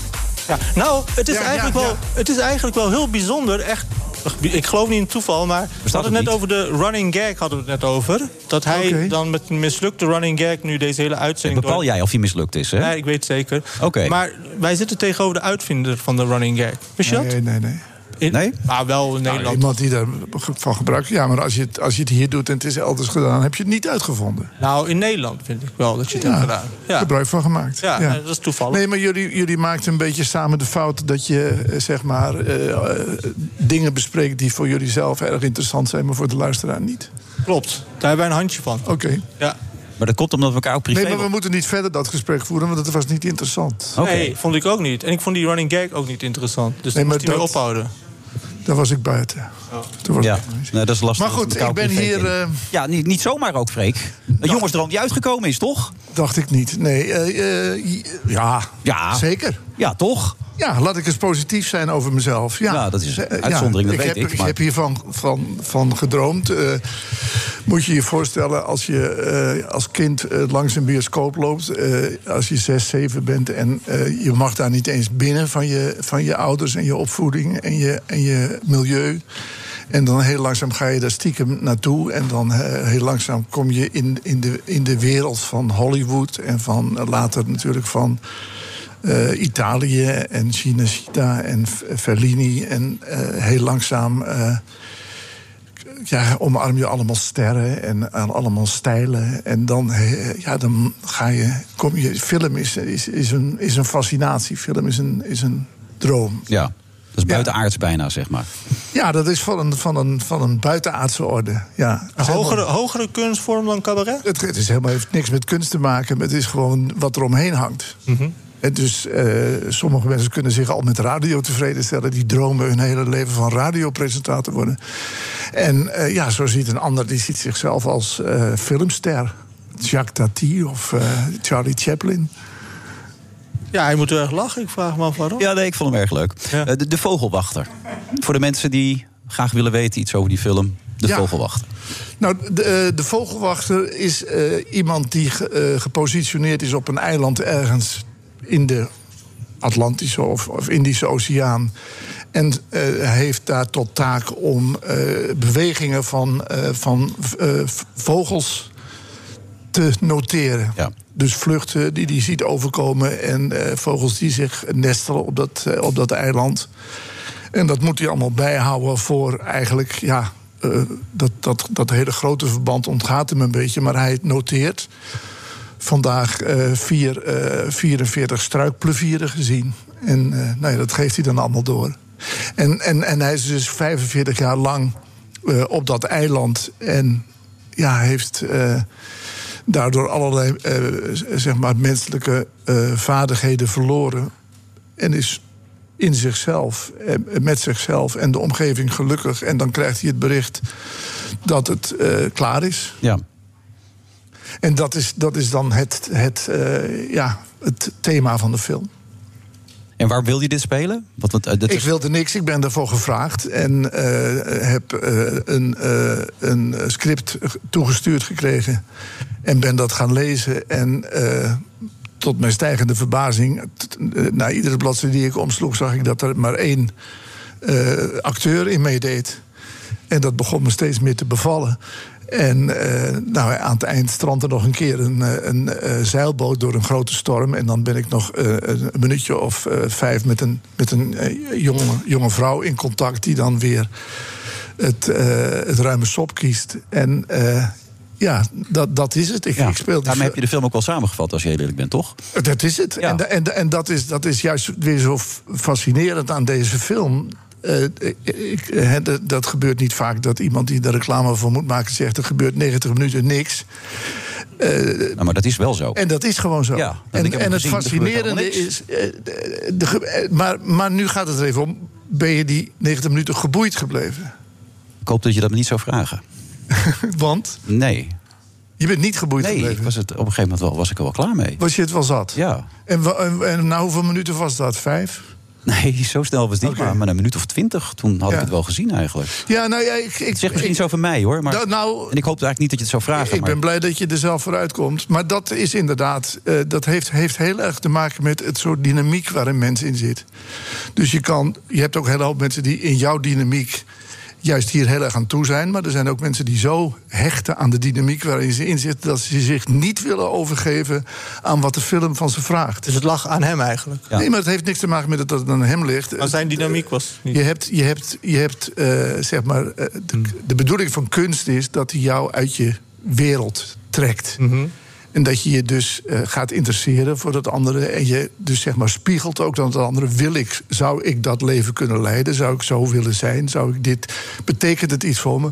Of dat je zeg maar iedere keer je bedreigd voelt door wat je ziet of leest. Dat je denkt, oh dat probeert mij uit mijn, uit mijn bubbel, uit Maar mijn dan, wereld dan, te dan halen. ligt het toch juist aan hem als hij zich bedreigd voelt. Ja, door maar wat ik hij wil, ziet? ik wil het niet persoonlijk maken. Oh. maar dat mag best wel. Nee, maar dat, dat vond ik net ook misverstand. Nou, ik vind, het niet, ik vind niet dat een presentator eh, zeg maar, eh, de leidraad in een programma moet zijn. Ik denk dat een presentator juist iemand die.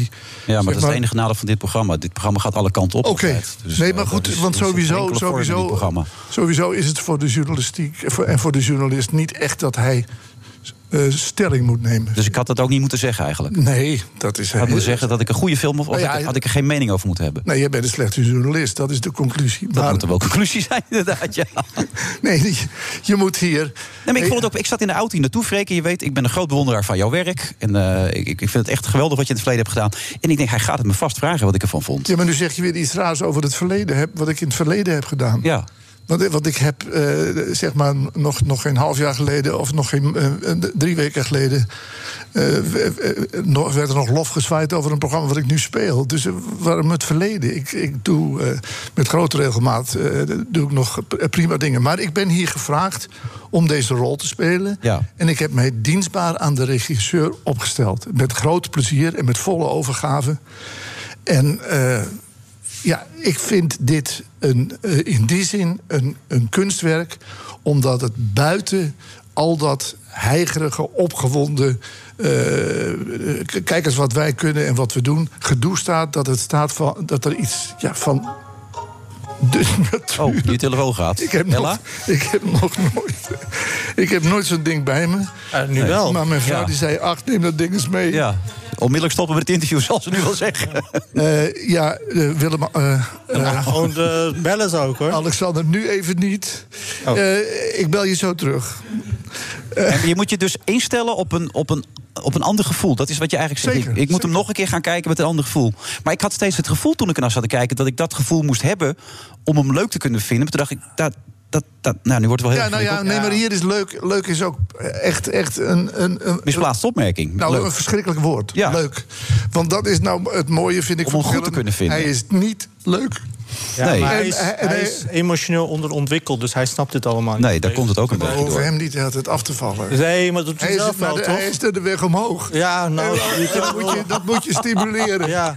Nee, maar, Sorry, ja, we ik zijn toch bedoel- niet van grijp en dingen. Nee, maar ik eh, snap wel wat jij zegt, maar hij, hij, ja, hij is toch een beetje... Nee, maar het- het- Kom op, en even nogmaals, nog terug Freek, op de ik zit film. naar die film te kijken, hij is op Het was zich- een mooie film. beeld- Ik heb, eh, Heb je hem gezien? Ik heb mooi, ja, helemaal... En die, hoe je, maar, Jij hebt hem helemaal niet gezien. Ik heb hem wel Ach, gezien. lul dat toch niet. Jij hebt Jawel, hem ik helemaal heb niet hem- gezien, man. Ik vroeg me af op Dat riep het je ook al strand, bij hè? Thierry Baudet. Had je hem ook niet gelezen. Toen riep je ook dat je hem gelezen had. Kom op, zeg. Kijk, dit, dit, zijn, dit zijn heel banale vragen, het spijt me. Maar het, het was ijskoud volgens mij op bepaalde momenten... toen jij daar op het strand daar eh, stond. Hij heeft twee minuten gekeken, hoor Nee, je net. helemaal niet.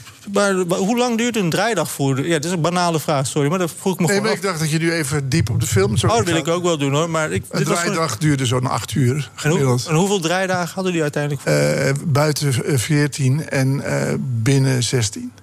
ja, eh, dat vind ik wel knap. Ik bedoel, niet, je bent heel vitaal en kwiek, maar er wordt wel wat van je gevraagd. Zowel intellectueel Maar volgens mij als wil Freek nu fysiek. verhaal van het effect van die film overbrengen. Ja, nee, nu doe ga maar. jij een beetje praktische dingen over die Ja. film vragen. Nou ja, hoe- wat wat Ja. moet het gevoel zijn? Freek, laat ik het anders eh, vragen dan. Wat, wat, wat voor gevoel moet je eraan overhouden dan? Wat is het idee erachter? Nou, de, ik heb een, een aantal keren een vertoning meegemaakt... Waar, eh, waar dus mensen bij zaten die dat dan voor het eerst zagen. En eh, die waren daar... eh, ja, die waren ontroerd. Eh, eh, sommigen zelfs diep ontroerd. En anderen die, eh, waren er erg rustig van geworden.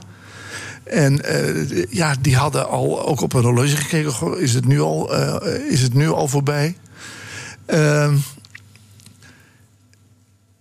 ja, misschien ben ik zelf ook wel niet eens zo'n liefhebber van dit genre. Maar eh, de, de film is, is een, een, een schitterende, een, een schitterende eh, ja, bijna... eh, Poëtisch. Maar wat vond jij er goed aan dan? Ja, poëtisch is ook weer zo'n verdacht woord. Jij hè? wilde, jij wilde het zeggen, je slikte het in en toen deed ik het. Nee, maar ik wou- ik- Poëtisch, de hele film. Nou, tuurlijk. Dus je, je moet er wel. zit gewoon te bluffen, Nee, Piet. Je helemaal zit niet. gewoon te Ik- bluffen, jij. Het is wel, ik, ik begrijp wel dat sommige mensen het niet uit kunnen zitten. Ik ga niks over mijn eigen particuliere eh, ervaring zeggen. Maar er wordt wel wat van je gevraagd als kijker. Net als jij. op een gegeven moment Hele- zei- helemaal, helemaal niet. Want eh, er zijn mensen die zich eh, prompt overgeven en dat allemaal prachtig vinden. Maar die vinden niet in slaap dan. Die bleven kijken. Nou, maar Nou, nu zit ik hier iets te verdedigen waar ik helemaal niet voor gekomen ben. nee. Dus, dus die, film, eh, die film is eh, door eh, eh, Trace Anne bedacht. Mhm.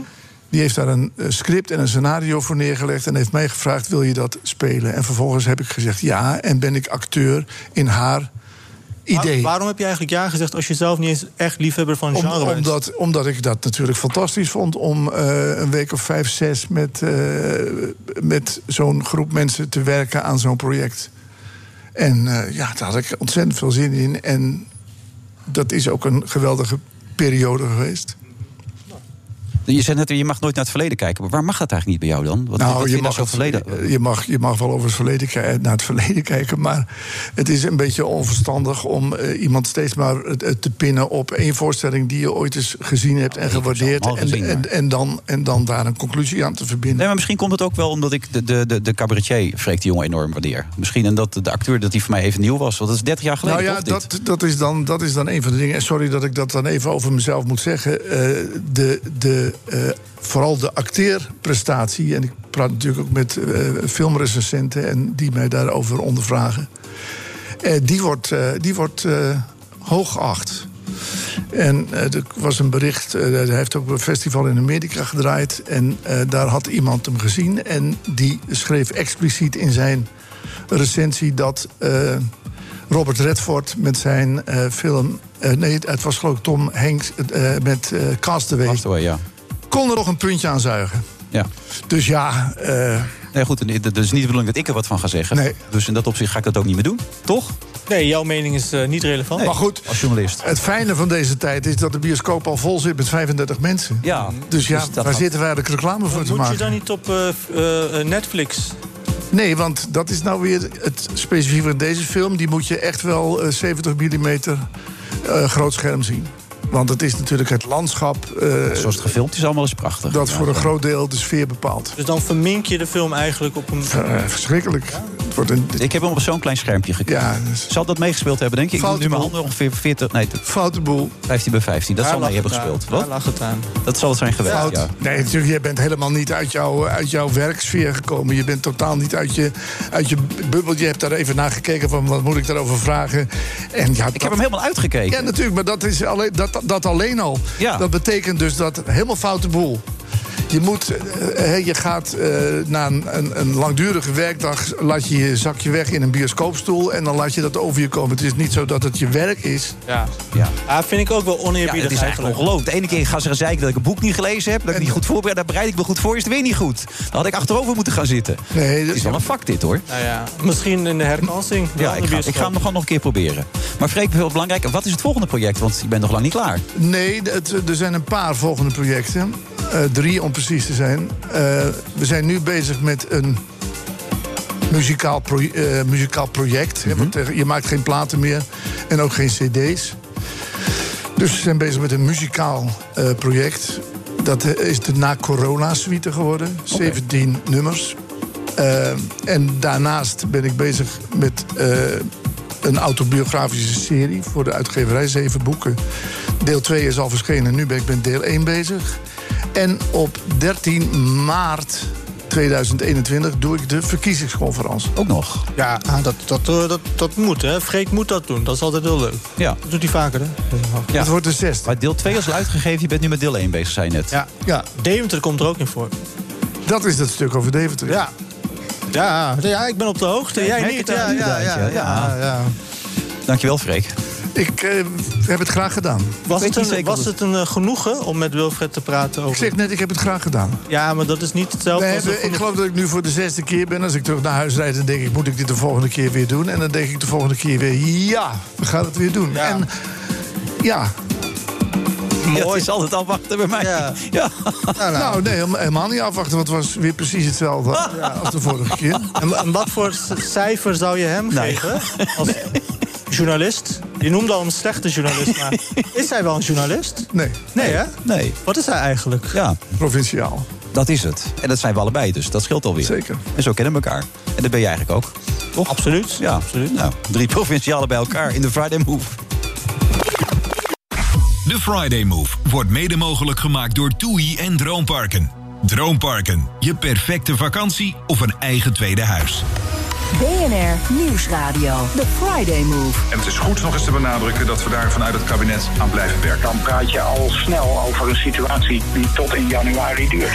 Dus ja, de rapen zijn daar natuurlijk gaar op dit moment. Wilfred Genee. Ja, ze kunnen niet vaak genoeg zeggen. Eigenlijk zeggen ze het vaak genoeg. Sterker nog, je wordt er gek van ze nu en dan. We moeten meer bewegen. Erik Scherder en Leonard Hofstra.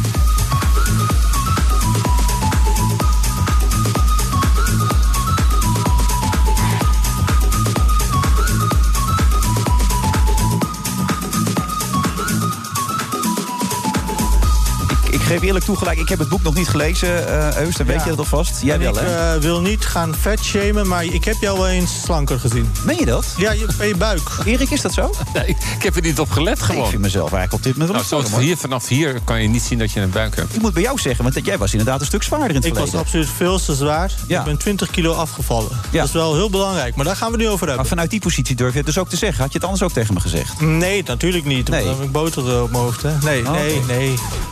Duidelijk. Eh, is dit een volwaardig boek? Een boek over gezondheid en bewegen? Of zit je nou, kijk, als schrijver zeg ik nou het leuk, maar het slaat nergens op. Elk boek dat iets betekent voor een ander mensenleven is een volwaardig boek. Dus dit is een volwaardig boek? Zeker. Oké, zou je het lezen ook? Tuurlijk. God, wat ben jij ontzettend hypocriet jij. Hoezo? Niet te geloven. Nou, ik kijk er heel betrouwbaar bij. vind Ja, ik. dat- dat is een van zijn sterkste eigenschappen. Hij lult overal eh, een punt aan. Dus... Dat is gewoon de waarheid. Waarom Ja. zou ik het niet lezen? Nee, zou dat jij het is waar. lezen? Nee. Nee. Leo, we gaan weer. Nee. Wilfred, we gaan het hem wel allerbeste. voorlezen voor Wilfred. Nee, nee, is, ik, dus, ik, eh, ik moet natuurlijk thuis regelmatig, of ik, moet, ik mag thuis ook regelmatig van dit soort boeken lezen. En ik word regelmatig mee, eh, ik zal niet zeggen geconfronteerd, maar. mag wel. Mee, eh, mee geconfronteerd. Ehm, Erik. Hij heeft het wel moeilijk. Waarmee? Aanloop je naar de, dit onderwerp? Nou ja, ik moet oppassen. Ik had Erik namelijk eh, twee weken geleden aan de telefoon op de radio bij Veronica. Het was echt heel erg. Hij, hij liet mij er gewoon intuinen. hè. Dus hij zei eerst, Erik, je stond in de Telegraaf. Wat moest ik ook weer doen voor... eh, Ik zei, nou, bewegen. Oh ja, ja. En toen stond je in het AD. Wat moest ik eigenlijk ook weer doen voor thuis... En toen, oh ja, dan moest ik weer bewegen. Zeg. En dan, dan, de hele redactie lag al plat... omdat ik gewoon in de maling werd genomen Oh. over het onderwerp. Maar dat is, was- dat is de Wilfred die wil altijd over de rug van anderen grappen Ja, gooien. dat wil ik Ja. niet zeggen, maar, maar ik wil wel zeggen dat, dat ik er net niet ingetuind ben. Ja, met Eus, nou, dat vond ik, ik, vo- goed. ik voelde wel dat hier iets hing in de lucht. Maar tegelijkertijd is het wel de werkelijkheid gewoon, eh, Erik. Want eh, waar ik jou ook tegenkom, ook dit boek weer. Bewegen.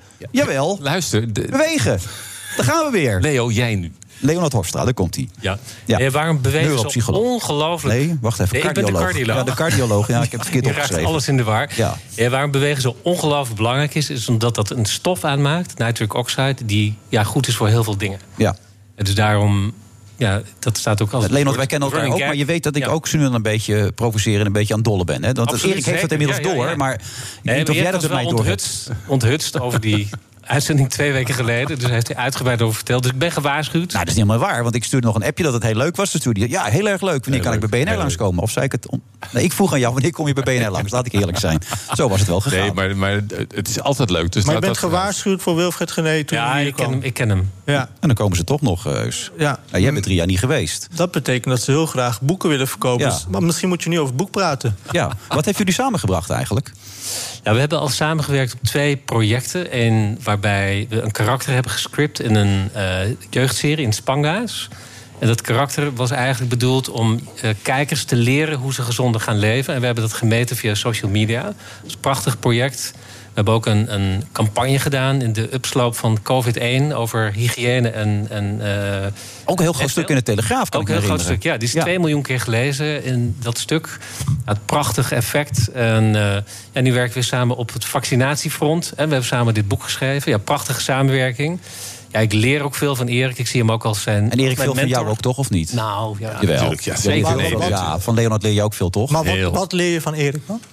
Nou, vooral hoe hij omgaat met, met de media. Dat daar, dat is hij toch een slag, veel, eh, een slag verder dan ik Ah, hij kan ben. dat goed, hoor. En plus hoe hij ingewikkelde concepten eh, ja, goed kan vertellen aan een heel breed publiek. Dat is echt een kunst. En hoe hij op het podium staat met zijn energie en, en wanneer hij dat gebruikt. Ja, dat is prachtig om Maar te wat zien. is zijn geheim dan daarin? Ik denk, ja, hij is heel authentiek, hij is energiek, hij is clever natuurlijk ook. hè, Dus hij, en, en hij kan het goed overbrengen. Dus ingewikkelde concepten overbrengen naar... Ja, met humor ook, hè? En met humor, ja. ja. Maar had jij dat allemaal niet dan? Nog niet, tot voor kort niet. hè, maar sinds ik Erik ken... Ja, ruikt het eraf Hij is een snelle leerling, hoor. Ja. Nee. Nee. Maar ja, dit, dit gesprek gaat ook de verkeerde kant uit. Waarom gaat dit gesprek Oh, de verkeerde kant uit, man? We gaan hartstikke Nee. lekker. Jullie hebben elkaar gevonden. Ja. Jullie leren veel van elkaar. Ja, en we Je hebben brengt- jou je- weer gevonden. Je Dat is brengt, ook ja, je heel brengt leuk. het lichaam en de Ja, geest. wat je brengt misschien alles... we- qua inhoud belangrijk is om te vertellen... is dat, dat het hart en brein hebben heel veel gemeen. Hè? Dus, dus er zit heel veel verbinding tussen hart en brein. Om een voorbeeld te geven, de 20% van wat het hart uitklopt... gaat naar het brein, hè, die maar 1500 gram weegt. Nou, heel vaak eh, zijn mensen een beetje geschokt als ik 1500 gram zeg... want die denken, "Hè, heb ik echt niet meer... Nou, ik weet dat, dat radiopresentatoren die, die hebben vaak 1600 gram. Hè, dus Wilfred heeft iets meer. En hoogleraren 1700 gram. En maar ja, hoe dan ook is er heel veel... eh, En schrijvers dan? Wat hebben die? Schrijvers ja, zitten er een beetje Ah, hij tussenin. combineert alles natuurlijk. Hè. Hij presenteert Ik heb wel ook. twee kilo, denk ik hoor.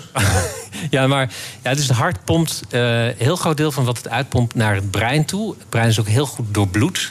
En, ehm, dus wat je dan ook hebt, is dat alles wat slecht is voor hart- en bloedvaten, dus hoge bloeddruk, hoog cholesterol, weinig bewegen, diabetes, niet alleen slecht is voor het hart, maar ook heel slecht is voor het brein. En dat brengt ons samen in het boek. En, en Erik, wat zijn nou de belangrijkste lessen uit dit boek? Want het is weer een behoorlijke pil. En ik zie ook allemaal tekeningen erin staan enzovoort. En, en, en, en statistieken en tabellen enzovoort. Wat zou nou de belangrijkste les erin zijn? Bewegen misschien? nee, ik weet het niet. Nou Ik vind nou dat hij een heel eh, cynische houding heeft eh, aangenomen. Ik wil me maar ik- distancieren van zijn houding. Ik ben wel oprecht geïnteresseerd. Ja.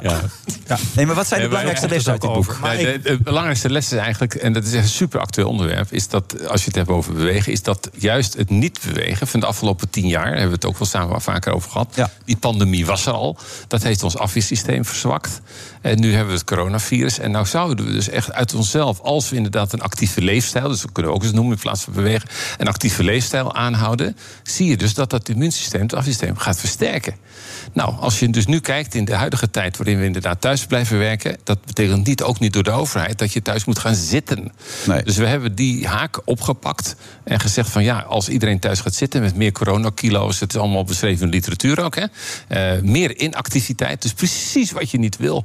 Dus hier ligt opnieuw de hartekreet en de haak is uiteraard nu het immuunsysteem. De hartekreet is leuk ook. Die heb je er ook op kunnen zeggen, hartekreet. Ja, precies. Maar je kan het ook omdraaien. Het feit dat je het zo vaak moet zeggen... betekent dat het nog steeds niet genoeg gebeurt. Maak ik hieruit op, toch? Ja. Maar eh, Leonard, hoe ga je die mensen in beweging krijgen? Want ik bedoel, mijn vrouw en ik zijn natuurlijk ook al jaren mee bezig. Ik zie hoe moeilijk het is. Hoe gaat dat gelukken? Hoe gaat dat gebeuren? Nou, ik zie 3000 patiënten per jaar in mijn kliniek. Hè, dus daar, en die worstelen eigenlijk allemaal met dezelfde problemen. Hè, want 90% van de kans op het krijgen van een hartinfarct komt door ongezonde lifestyle. Ja. Dus immense impact.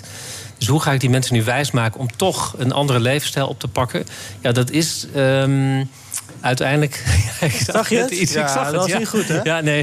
ik liet even mijn buik zien, maar Eh, Hij het liet valt er wel zijn buik mee, zien. of- Nou, nou ja. het valt zeker mee. Oké. Maar dat is. Nou, eh, Ja, ik, ik maak ze vergeleken met tegenwoordig bang eh, door te zeggen dat alles wat slecht is voor het hart ook slecht is voor het brein. Ja, maar Men- ik, eh, want aan dementie kun je namelijk niks doen. Nee. En dat hart kan, kun je nog wel fixen. hè. Dus mensen die, ja, die, die schrikken als ik dat zeg. En dat is een, dat is een, een heel belangrijke trigger voor mensen. Ja, maar als je uit een, uit een bepaalde sociaal-economische klasse komt, hè, dan is het natuurlijk niet zo makkelijk om gezond te gaan eten. En eh meneer Scherder had het net over bewegen. En als je, Mhm. ja, we hebben nu ook een lockdown bijvoorbeeld. Je woont op eh, 40 vierkante meter dan, dan, dan- en je hebt drie kinderen. Hoe ga je dat allemaal invullen dan? Ik bedoel, Wij hebben dan misschien wat meer ruimte, wat meer tijd. Hoe gaan die mensen het doen dan? Nou, er wordt altijd gezegd dat, dat gezond eten veel duurder is dan ongezond eten. Maar dat, ik denk dat dat een mythe is. Als jij met een grote tas naar de Albert Kuip gaat of naar de Lidl... he- heb je een tas vol groenten met 10 euro voor de hele week. Hè, dus ik denk niet dat we die mythe moeten blijven voeden. nou, d- maar het gaat ook om gedrag natuurlijk. Ook kennis over voedsel, daar gaat het ook over. Want weet, eh, weet iedereen hoeveel calorieën er zitten in bijvoorbeeld... Ja, noem maar wat op, in een worst bijvoorbeeld.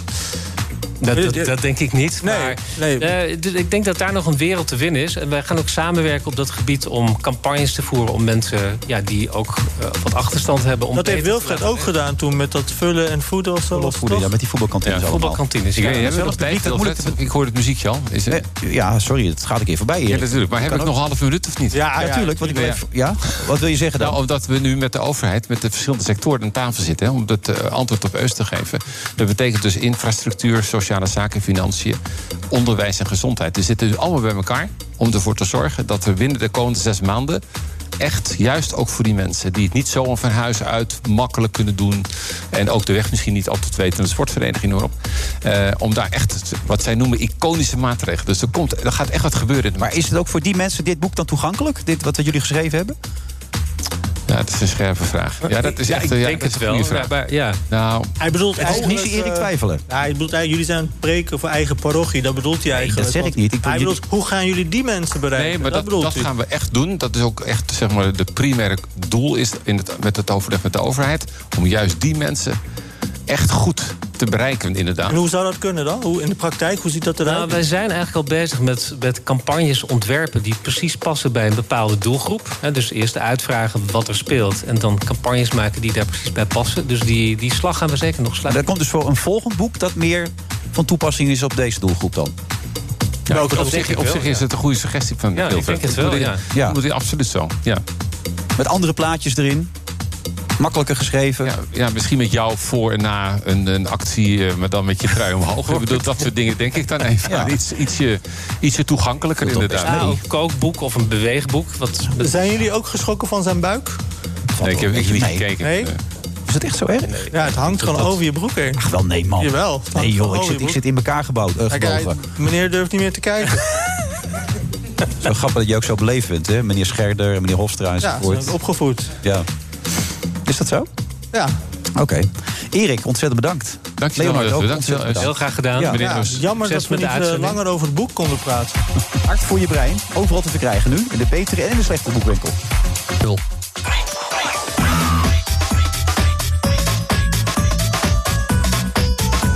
Gaan we het in deze uitzending ook nog meemaken, Eus, dat je ook een keer aardig tegen me gaat doen? Of zit dat er vandaag helemaal niet in? Dat is onmogelijk, hè? Sorry, ik had mijn koptelefoon Nou, nog één keer, zit er een moment in deze uitzending ook dat, dat we nog aardig tegen elkaar gaan doen? Of zit dat er niet in? Ik ben de hele tijd aardig voor Oh, jou, is maar dat dan aardig kritisch. zijn? Ook, Oh, dat ons- is het. ja, hoe, Ja. Ik vroeg me ook af, want we hadden het net over talkshows, toch? Jij zou toch eh, bij SBS6 misschien ook dagelijks een talkshow gaan doen? Wat is dat, wat, maar hoe ging dat mis? Waarom ging dat mis eigenlijk? Eh. Nou, omdat ik je nu zo bezig zie, dacht ik van... oh ja, dit ging hij misschien elke dag doen. Maar dat ging je toen toch... Ja, wat is daarmee gebeurd? Nou, is het uiteindelijk niet doorgegaan. Waarom niet? Nou, omdat het algehele gevoel niet allemaal eendrachtig die kant op wilde. Bij wie eh, was dat gevoel? Bij de een iets meer dan bij de ander. eh, Maar dat weet je allemaal. Nee, dat weet ik Ja, echt dat niet. weet je heel goed, want dat heb ik je allemaal verteld. Nee, toen was Ja, het nog dat vaag. heb ik jou echt allemaal verteld, Oké, Yves. nou, dan eh, Ja. ben ik het vergeten. Nee, Dus kan ik ook weer beginnen wat jij me net over iemand vertelde. Dus, eh, zullen we Nee, dat- nee, ik bedoel, dat is echt een oprechte vraag. Omdat Oké, ik je net maar zo dan doen we bezig weer wat zag. Freek net ook al zei. dat Mensen zijn helemaal niet geïnteresseerd in ons contact. Oh, nee, dat ja. moeten we inderdaad zien te voorkomen. Ja. We hebben Bert Romani namelijk hier eh, aan de tafel zitten. Wintersport-expert en voormalig directeur van de Nederlandse skivereniging. En, en Bert is boos, toch? Bert, je bent boos. Nee, ik ben niet boos. Jawel. We zijn een beetje verontwaardigd. Nou, dat stelde bijna. Ja, ja bijna. Ja. ja.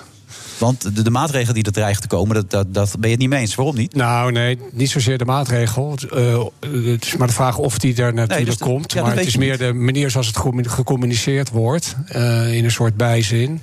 Ehm, en ehm, er zit weinig nuance in het bericht. Dat Als het is dus een beetje jammer. genuanceerd was gebracht, had je het prima gevonden.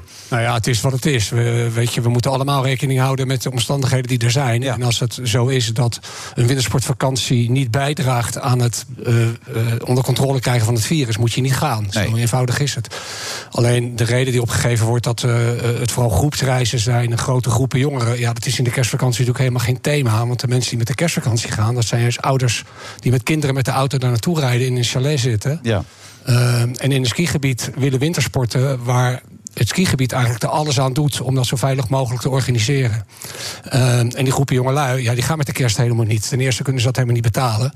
Ehm, en ten tweede, er is- zijn geen feesten. De apres-ski is verboden in Oostenrijk. Dus daar hebben ze de angel eigenlijk al uitgehaald. En ehm, ik denk dat, dat skiën en buiten zijn en bewegen, wat we net gehoord hebben, heel, heel goed kan. Mits je dat op een verantwoorde manier natuurlijk ook dan doet. Ja. Dat, het is natuurlijk enigszins ligt dat aan die wintersporter zelf. Maar het gaat toch niet alleen om ski. Het gaat toch ook om dat allerlei mensen zich verplaatsen van het ene Precies. land naar het andere land. Ja, dus op het moment dat, op het moment dat dat het probleem is, dan zou niemand zeggen van het is belachelijk. Hè? Om- Het is ook maar de vraag of we er kunnen komen. Hetzelfde geldt, eh, doet Oostenrijk of Zwitserland de grens dicht en is het ook klaar. Eh, maar die nuance die ontbrak heel erg in het bericht. En dan wordt, dan wordt er meteen alweer geroepen van we kunnen niet op wintersport en de kerstvakantie is verloren, et cetera, et cetera. Ja, en die reiswereld heeft het al zo zwaar. En als dan zo'n bericht er ook nog een keer overheen komt, dan, eh, dan, dan worden die toeroprijders natuurlijk helemaal niet vrolijk. Hè? Je moet niet vergeten, die hebben natuurlijk de hele zomer niks kunnen verdienen. En als ze dan de hele winter ook nog een keer uitgeschakeld worden, ja, dan, gaat het wel heel, dan wordt het wel heel ingewikkeld. Maar wat zou je nu adviseren dan in deze? Ja, toch wat meer nuance aanbrengen in die berichtgeving. Ja, en misschien... dat, dat- maar dat, dat maakt toch niet veel uit, die berichtgeving? Het gaat om de beslissing die er genomen wordt, toch? Ja, maar die beslissing zou iedereen respecteren. Als het niet kan, dan kan het niet. Nee.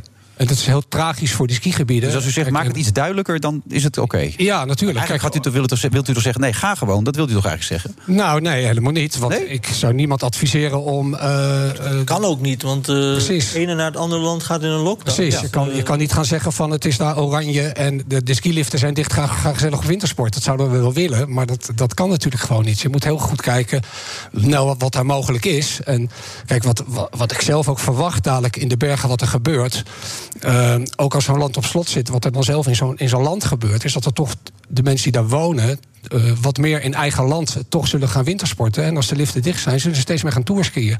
En dat hebben we in Nederland natuurlijk ook gezien. Op het moment dat je niet meer een verre reis kan maken om te gaan hiken of te gaan mountainbiken. Ja, dan rijden we met z'n allen over de Veluwe met de mountainbike. Ja. En dat gebeurt eigenlijk in de Alpenlanden natuurlijk ook. Eh, maar het is volledig afhankelijk in hoeverre die landen zelf op slot gaan. En wat er mogelijk is. En binnen die mogelijkheden ja, zou een wintersporter kijken wat er kan. Eh, want uiteindelijk is die, die, die drang die bij de wintersporters zit om te gaan... die is altijd heel erg zwaar aanwezig. hè. Dus Skivakantie wordt niet graag opgeofferd. Dat vinden mensen een hele belangrijke vakantie. Vooral ook voor het gezin, het samen zijn. Eh, het is ook echt een vakantie waarbij de focus één kant uit is. En in de zomer wil pa op de wielrenfiets zitten... en de kinderen willen naar het pretpark en eh, moeders willen een boek lezen. Maar in de wintersport is dat heel anders. Dan gaat het gezin naar de sneeuw toe... voor het gezamenlijke met z'n allen daar in die winterse wereld te zitten. Ben je een beetje vakantieman? Met gezin? Eh, nee, helemaal niet. Ik hou niet van vakanties. Maar wat ik wel weet is dat de piekmaand, als het gaat om eh, de griep, is eh, januari. Ja. En eh, daarvoor eh, december. Dus, dus, dus echt, eh, als je Ja. het hebt over perspectief, dat gaat niet beter worden. Dat wordt Nou alleen ja, maar erger. Dat, dat hangt er een beetje vanaf. hè. De, de, eh, we hopen natuurlijk van wel. Maar eh, als we heel eerlijk zijn, zijn en als ik heel eerlijk ben, dan ehm, eh, ben ik f- ook wel heel erg bang voor die periode tot en met januari. Ehm, maar we moeten niet vergeten natuurlijk dat die skigebieden in principe tot april doordraaien. De beste maanden zijn eigenlijk februari en maart. We hebben de krokusvakantie in februari. Maart is altijd nog een hele goede skimaand, april ook nog. Dus ehm, ja, je kan niet in één keer zo'n heel wintersportseizoen afschrijven. Ehm, en kijk, dat nu alles dicht is, ja, daar, daar heeft eigenlijk niet zoveel mensen last van. Daar draaien een paar gletsjers waar wat topteams aan het trainen zijn. En wat mensen die nu al heel erg Ieren zijn, die daar graag naartoe willen. Maar er zijn natuurlijk maar een paar liftjes open. Hè, Er draaien nu in Nederland meer skibanen en skiliften en skischolen op al die indoorbanen in Nederland dan dat er in de Alpenliften draaien. Maar dat is half december natuurlijk wel anders. Zou het niet veel beter zijn als de overheid nu zei... zei eh, we gaan financieel garant staan voor alles wat jullie mislopen... en dat jullie deze lobby ook nu... Ja, daar vecht de reiswereld natuurlijk al maanden, eh, maanden over. Ja. Maar dat is toch uiteindelijk veel realistischer dan... Ja, zeker. zeker. En, eh, maar goed, dat neemt niet weg dat er onder de wintersporter zelf natuurlijk wel een enorme behoefte is om wel te willen gaan. En die zullen op het moment Ja, dat maar enigszins kan kans die- wel ik, bedoel, ik ben, ben ga jij wintersporten Ja, zo nu en dan, de laatste Maar ik- jaren. Gezellig misschien met heb de ik makkelijk, Het wordt natuurlijk ja, niet of nauwelijks geboekt misschien heb ik nu. makkelijk praten, maar je je kan toch wel één jaar overslaan? Ja, ik denk dat, dat- nou ja, wat jij zegt, ik denk dat er ook best wel wintersporters zijn die zeggen van nou, als het zo ingewikkeld wordt. En ik kan van tevoren niet boeken en dat wordt helemaal last minute. En het is een peperdure vakantie, toch bijna eh, de duurste vakantie die je voor kunt stellen voor veel gezinnen.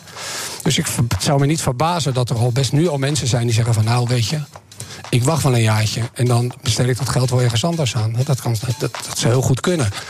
Ehm, maar waar het natuurlijk om gaat is dat het vooral in die berichtgeving duidelijk moet zijn... dat, dat men weet waar je precies aan toe bent. En, ehm, en dat het niet even in de bijzin genoemd wordt van... nou, Oké, weet je, dus zodra die berichtgeving genuanceerder is, dan zijn jullie tevreden. ja, kijk, eh, kijk dat, we hebben het de afgelopen zomer natuurlijk ook gezien in de reiswereld. Eh dan wordt er geroepen van, ja, maar door dat reizen, dat, eh, eh, d- dan, dan brengen we dat corona naar binnen. Maar kijk, er is geen touroperator, ook in de winter niet, die mensen naar een oranje gebied gaat sturen. Dat kun je echt niet boeken. Maar je kan niet verbieden om die individuele reiziger, die gewoon een low-cost ticket koopt, ergens naartoe vliegt en een skipas koopt of eh, eh, ergens naartoe gaat. Ehm, da- daar zit natuurlijk geen enkele controle op. Hè, Eh, maar d- er wordt, het wordt vaak een beetje over één kamp geschoren. En dat is, dat, dat is gewoon heel erg jammer. En dat is voor de Dus op zoek reiswereld... naar de is dat- nuance, daar gaat ja, het heel erg op zoek naar de nuance. Oké, nou, dan hebben we geprobeerd bij deze, Bert. Ja, nou, hartstikke fijn dat het... eh, Dat was een redelijk serieus interview, dit. Echt wel eh, onze, ons beste. Ja, eigenlijk wel. nou, Ja. eerlijk gezegd, ik luister al twee uur. Dit was eigenlijk Ja. het eerste dat eh, Enige de waarbij gasten je een denkt beetje van- aan het woord mocht zijn. Ja, Ja, weet je maar ik ook. ben natuurlijk helemaal niet belangrijk, dus dat scheelt natuurlijk een stuk. Nou, ik weet niet of het daarop komt. Misschien dat het Misschien dat wij voor het eerst iets van empathie konden opbrengen. Ja, voor deze wereld. Ja, voor eh, meneer ook. Ja, ja. ja. ja. misschien ook omdat je skiën leuker vindt dan een boek lezen. Dat zou natuurlijk... Ja. Hey, lezen eh, vindt hij niks aan. Nee. Nee. Nee. En die film van eh Freek eh, heeft hij ook niet met plezier gekeken. Ja, ik, ja, ik ga hem toch kijken. Ja. Ja? Ik ben toch nieuwsgierig nu. Ja? Ja? Ja, Nou, word je wel heel rustig van, denk ik. ja daarom. Dankjewel, Bert. Ja, jullie ook.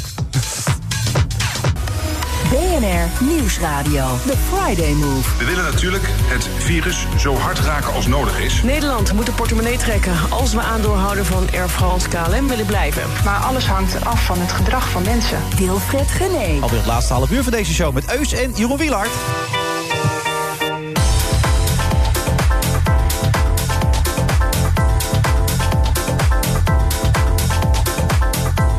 Kennen jullie elkaar eigenlijk? Nee, ik vind eh, Jeroen eh, fantastisch als ik hem hoor. Maar ik zie hem voor het eerst. Die ziet eruit als een PvdA. Ja, met zo'n radiohoofd, hè? Ja, Ja, en sjaal en zo, ja. Nee, is gelijk. Ben je van de PvdA? Eh, van oudsher, ja, Ja, zeker. Ja. Nou, toch gek dat je het soms, van soms, mensen kunt soms zien. twijfelend, maar... Welke kant op? Ja, de GroenLinks. Toch wel, Oh, ja. Ja, ja. Wel echt links, hè? Ja. Ja. ja. Maar je zegt eigenlijk dat je Maar niet stereotyp radicaal. bent. Nou ja, nee, je kan soms. Ja, nou, misschien wel. Ik, ik vind dat je aan het uiterlijk van sommige mensen kunt zien ehm, welke politieke signatuur ze hebben. Ja. ja, dat klopt, dat heb ik gezegd. Ik bedoel, verder niet beledigend. jij ziet er ook niet uit als een VVD'er, heus. hè? Nee, ben ik ook niet. Maar ik bedoel, je zag, hebben jullie van de week eh, die mevrouw Faber gezien in de Eerste Kamer... die het eh, over omvolking ging hebben? Die dat helemaal ging ver- Nou goed, daar zie je ook wel wat voor politiek signatuur ze heeft. Maar goed, dat is weer eh, iets anders. Laat ik je zo wel zien. Ja, CDA was toch voor jou? Althans, dat kan ik me Eh, in herinneren. het verleden wel eens geweest, ja. Jij toch Ja. ook? Ja. ja. Ja, zulke hoofden hebben jullie ook, ja. zien we er zo uit? Ja, Nee. Vooral van binnen zijn Ik- Je moet mensen niet op hun, oorlog, op hun uiterlijk beoordelen, altijd. Niet altijd, soms wel. Ook zijn de momenten van- Nou, in dit geval, in mijn geval, is, dat, dan komt het goed uit. Ja, klopt het wel. Ja, En je kan mensen toch wel positief beoordelen op hun uiterlijk? ja nee, maar dat heb je, heb je in mijn geval ook goed gedaan. Ja, ja. Mag ik jou een routinier noemen, Jeroen? Ehm, ja zeker. Ja, hè? Hé, maar dit wordt trouwens een redelijk serieus interview, hè, met veel empathie. Ik heb geen flauw idee. Wel van, mijn, van mijn kant wel, hoor. Maar ik wilde jou wat advies vragen, want zojuist staat Freek hier. En ik had dus die film helemaal zitten kijken, omdat het daarom gevraagd was. Freek had het ook doorgestuurd, had gezegd, zou je naar die film willen kijken? Dus ik kijk naar die film en vervolgens vraagt hij mijn oordeel. Dan geef ik het oordeel en dan is dat niet de bedoeling. Is het niet de bedoeling van een journalist dat hij een waardeoordeel geeft? Dat hangt eh, echt van eh, de zendgemachtigde af. Ik kom van de NOS vandaan en daar is eh, neutraliteit het hoogste goed. Soms bij het krampachtige af. En ik ben blij dat ik hier nu gewoon vrijheid kan spreken. Mag je niet opinierend zijn? Nee, nee. niet nou, de bedoeling. Dat, dat begrijp ik ook wel. Eh, Volgens maar- mij is de intentie bij dit programma dat het een personality show Ja. is. Dus dan mag het volgens mij wel. Maar het, is toch eerst vraag, het is toch wel best gek als iemand eerst aan mij vraagt... wat vond je ervan en vervolgens was dat niet de bedoeling. Zit het je dwars? Nee, ik vond het opmerkelijk. Ik bedoel, dan ga ik die film zitten kijken. Ik had net zo goed niet kunnen kijken. Kijk, jij hebt twee minuten zitten kijken bij een ander programma. Maar ik Nou heb ja, die hele dit- film zitten kijken. Bij een dergelijke uitzending als dit kun je toch wel eh, redelijk om een oordeel vragen. Hè? En als jij hem vooral gezien hebt. Ja. En je hebt een, een, een, een, een zeker, nou niet een gezag, maar wel een, eh, wel een, eh, een publiek. Je probeert En- er en- iets van te en- maken, maar het lukt je niet meer. Nee, Maar helemaal ga niet. door. Nee, Oh, nee, oké. nee, nee, nee. Ik, omdat jij hier zit en je hebt die film gezien... en je zit hier in een radio-uitzending... dan kun, kun je verwachten dat je er toch ook iets van vindt. Ja. Omdat je het publiek niet zo per se moet beïnvloeden... maar toch wel op een zinnige manier informeren. En zo heb jij je ook altijd opgesteld in jouw carrière. Op, eh, niet opinierend, maar vooral objectief. Ehm, ja, omdat ehm, ik ben van eh, de, de observatie. En ehm, van het eh, feitelijk beschrijven wat ik zie. En proberen erachter te komen wat ik niet zie. En dat heb ik ook in dit boek gedaan, in Tour Masqué. Ja, je wil Waar naar dat een boek toe, heleboel merk mensen ik, niet te zien waren vanwege hun masker. hè? Ja, daar wil je naartoe, naar dat boek. Ja, maar routinier, ehm, ja, maar ook, ook wel betrokken en hartstochtelijk. Ehm, bijvoorbeeld... Nou, routiniers kunnen toch hartstikke betrokken ja, hartstochtelijk zeker, zijn? Of- zeker, zeker. Mart Smeet was ook wel Ja. betrokken. Ja, ja, ja. Wat, wat vind je zo goed aan hem dan? Wat maakt hem echt uitzonderlijk goed? Kennis. Kennis.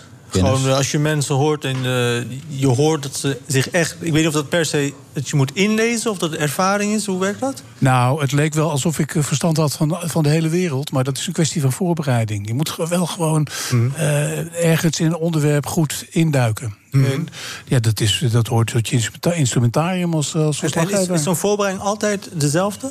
Nee. Je hebt geen vast maniertje van voorbereiden? Mm, Nee. Of je bent ergens ter plekke en je vraagt het na. Of je eh, zit voor een interview en eh, dan komt dokter Google van pas. Of eh, andere of, of persberichten. Dat- Er zijn allerlei manieren. Maar je moet ehm, en niet onbeslagen ten ijs komen. En in een situatie als deze bijvoorbeeld gewoon ook spontaan durven zijn. Niet dat gescripte, zeg ik altijd maar. Ja, want je wilde naar dat boek toe, merkte ik net aan jou al. Je hebt al een keer laten vallen dat boek, daar wil jij Hoe, hoe eigenlijk heet dat boek ook alweer? Sorry, ik heb het niet. naartoe, Tour Masqué. Oh ja. Ja, Hoe- toch? Masqué. Ja. Nou, hoe? Nog een keer? Tour Masqué. Oh ja. Nog Wanneer- hoe? Ja? Wanneer ga jij die Hij sterrenbedoel sprak het doen? volgens mij niet goed uit. Nog een keer. Tour Masqué. Oh ja. Dus Ja, Tour Masqué. Ja. Heb je hem? Ja, ja. Sterrenbedoel, morgen half negen. Hoe laat? Half negen, toch? Oh ja. welke, Welke zender? zender? NPO 2. PO 2. Oh, Terug naar het boek. Moeten we dat nog opnemen dan, Heus? En vanavond wordt er eentje nog Oké. bekendgemaakt. Die trekt een pak uit. Belangrijk is, wat, wat maakt je het meest blij aan dit boek? Oh, dat ik de opdracht kreeg. Eh, toen ik hem al helemaal niet meer verwachtte. En ik wil met eh, bepaalde mensen, onder andere mijn goede uitgevervriend Peter Nijssen van de Arbeidspers, als een keer de optie had eh, ge- uitgewisseld. Dat was eind april, eind ma- zo halverwege mei. Om misschien eens, eh, een aantal auteurs te vragen om een, een eh, corona-overlevingsverhaal. Dat is er niet van gekomen. Tot de dag dat ik eh, een telefoon kreeg van Bert Wagendorp. Die ik al jarenlang ken. Onder andere als collega van de Muur. Hij is, ho- hij is hoofdredacteur. Ik ben een van de, de veelschrijvers. En die eh, had met Peter Ouwerkerk zitten beraadslagen. Dat de tour, of die nou wel of niet kwam. In tijden van corona wel een bijzonder interessant verhaal was. Ja. En eh, ik hapte meteen. Eh, toen, eh, Je had toch niet veel te doen? Of? nou, eh, ik, eerlijk gezegd, ik was eh, net klaar bij de NOS op allerlei manieren. Ik was geen verslaggever meer. Door corona lag alles plat. Ja. Ik zat in Zeeuws-Vlaanderen eh, in het huis dat ik daar heb met mijn vrouw... in de buurt van Breskens. En een en al groen. En daar kreeg ik ook heel veel groene vingers. Wat was dat eigenlijk een verademing en een zaligheid om dat te doen. Om, eh, ja, dat is heel ontspannen. En nu zit er Ik heb- ik opeens in heb het- Zeeland. Ik heb het in wel, een- bij een ja. huis met Ja. veel groen. Ja, nee, hij legt uit schrijfwoede. Je kreeg schrijfwoede daar, toch? Ja, ook. Ja. ook. Ja. Ja, ik, ik, en veel groen. Ik heb eh, meegedaan met een prachtige cyclus van collega, oud-collega Guido Bindels. Eh, zuchten van de ziel. Eh, Dat was zijn manier. Hè? Zoals eh, Boccaccio in de middeleeuwen mensen verhalen liet vertellen. In eh, tijden van pest. Die waren gevlucht uit Florence. En die vertelden dat elkaar. De Il Decamerone, hè, weet je wel. Guido die begon een Facebook-reeks over popmuziek en het verhaal achter een song. En die belde mij ook op en of vroeg mij ook zo'n verhaal. Dat werd het verhaal van eh, The House of the Rising Sun.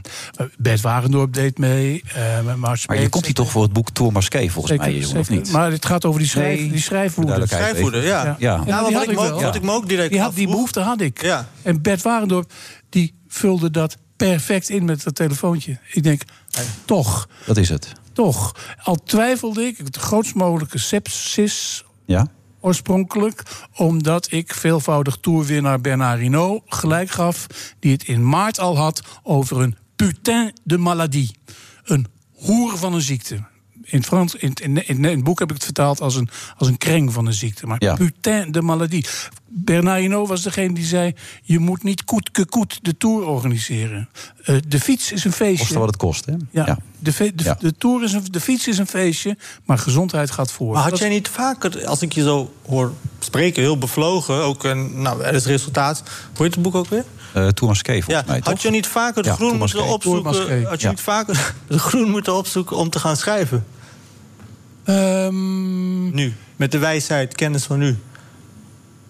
Nee, ik wist- wist in, in, in die zin daar, wat corona betreft, niet direct een vorm, vorm voor te vinden. Dus ik ging in op verzoeken. Zo, ik, heb- ik, ik noem Guido Bindels af. En nu was ik ehm, blij, want daar vroeg jij ook naar, Wilfried. Ja, wat maak je het meest om, blij? Om, om, nou ja, niet te hoeven thuiswerken. Ik, het, was, het was gewoon weer, ehm, ook weer zo'n hartstocht. Ouderwets on the road. eh, naar Frankrijk, erop af. Ook eh, van oudsher een van de drijfveren die ik altijd heb gehad als, als verslaggever. Ik ging er graag heen. En ik was er nu ook weer graag naartoe. Zij het heel erg op mijn hoede. En ik heb ook beschreven wat er in het eerste weekend in Nice te zien was. Hoe, hoe bedompt en hoe, hoe vreselijk de sfeer daar was. Althans, veel minder vreselijk als wat er nu gisteren weer gebeurd is in Nice. Met Mhm. Ja. diezelfde burgemeester, Christian Estrosi... die twaalf jaar voor de Tour had geijverd... en daar nu voortdurend met mondkapjes op, op, opliep eind augustus. Toch, toch, dus dat, ik snap het niet helemaal. Want als je er altijd bent, je hebt het over on the road zijn... dan is het toch ook zonde dat je... Nou goed, dat is één manier van het uit te ventileren, daar zijn, een verslag doen. Maar eh, je hebt kennelijk ook een pen. Ja. Die je veel ha- vaker had kunnen Nee, gebruiken. de muur. Dat doe je heel veel, toch? Jawel, maar we zijn, dat- dat- dit is nu wat langer. Nou, nou ja, kijk, dit, dit was eh, niet zomaar een verhaal in de muur. Dit was gewoon een hele muur vullen als boek. Ja, dat nou, bedoel ik. Wat was dat voor een uitdaging? Want Eigenlijk, ik heb in een, in een opdracht aan een van mijn oudste studentenvrienden geschreven. Dit is, was het boek dat ik eigenlijk al in 1976 wilde gaan schrijven ooit. Zie je? ik was toen eh, student Nederlands. Ik had heel veel eh, belangstelling ook voor Amerika. Eh, Hunter S. Thompson was een groot voorbeeld. De master of gonzo journalism. Over routine en- en oordelen gesproken. Ja, die man, improviseren kan je wel, Jeroen. Die Ga door, man ja. was een van degenen die zijn eigen avontuur ook meenam in zijn verhaal. En dat was bij uitstek de mogelijkheid die ik nu kreeg. Om Maar na in- om- 45 jaar, bijna 45 jaar, kom je zover? Wat is er niet tussen jaren, liggen jaren? dat vertelde Oh, je net, hij was constant on the road. ja, maar ja, ik bedoel, er zal toch wel tijd over zijn Eh, gebleven. om daar in Zeeland tussendoor, eh, naast dat groen- tussendoor was ik 35 jaar radioverslaggever bij Radio 1. Documentaires gemaakt voor allerlei omroepen. Eh, eh, ook nog eens een boek geschreven over QB en de Blizzards bijvoorbeeld. Oh. Niet stilgezeten. Eh, Nee, dat klinkt wel zo, ja. Ja. En veel met dat groen natuurlijk ook, groene vingers. Ja, Ja. Eh, dol op de natuur, zeker, ja. En wat is het beeld dat we uit dit boek kunnen halen dan, van deze Tour Masqué? Je ziet ook veel foto's, prachtige foto's, zag ik ook voorbij komen. Van Klaas-Jan van der Wij, de meester. Ehm, dit is eh, een boek over de Tour, maar het is niet een wedstrijdverhaal. het is een, een z- zeer intensief geladen reisverhaal over een land in nood. Dat samen met een organisatie van een monumentale ehm, wedstrijd de handen ineens slaat om de ballen te tonen waar iedereen eraan twijfelde, toch dat evenement voor te zetten. Want jongens, Olympische Spelen waren afgelast. Het Europees kampioenschap voetbal was onmogelijk. In Frankrijk, zei Christian Prudhomme, in eh, het begrip Tour de France is Frankrijk nummer één. Maar als in Frankrijk de Tour niet doorgaat, hebben we te maken met een nationale catastrofe.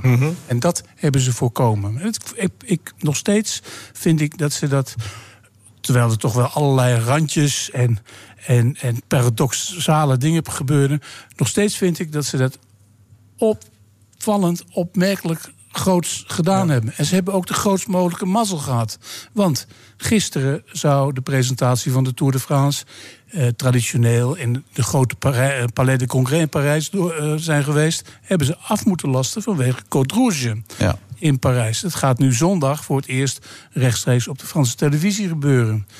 Vandaag eh, hebben we te maken in een Nederlandse herfst met diegenen die kijken. Een aankomst van de Vuelta ergens in Noord-Spanje. Roglic wint trouwens weer. Oh ja? Ja, Roglic wint. Knap. dus je heeft hij nu ook weer eh de leiderstrui of nog steeds niet? Eh, Daar was ontzettend veel gedoe Oh. over. Vanwege eh, secondenverschil met Carapas. Eerst wel, daarna weer niet. En het laatste wat ik hoorde van Gio Lippens op Radio 1... voordat ik hier naar binnen stapte, was dat Roglic de rode trui heeft. Roglic was overigens een van de lagen in Tour Masqué. Oh, dus dat boek wat je geschreven Ja, hebt. Tour Ja. Masqué. Hoe heet Maar het? ik- Tour Masqué. Ja. Maar dat, het is ook eigenlijk een Is het wel genre. serieus tot nu toe genoeg, dit interview? En empathisch. Ja, ook wel empathisch. oké. Maar het is Wel ook fijn. een genre, dat vind ik wel belangrijk om te benoemen. Ik lees die stuk wel.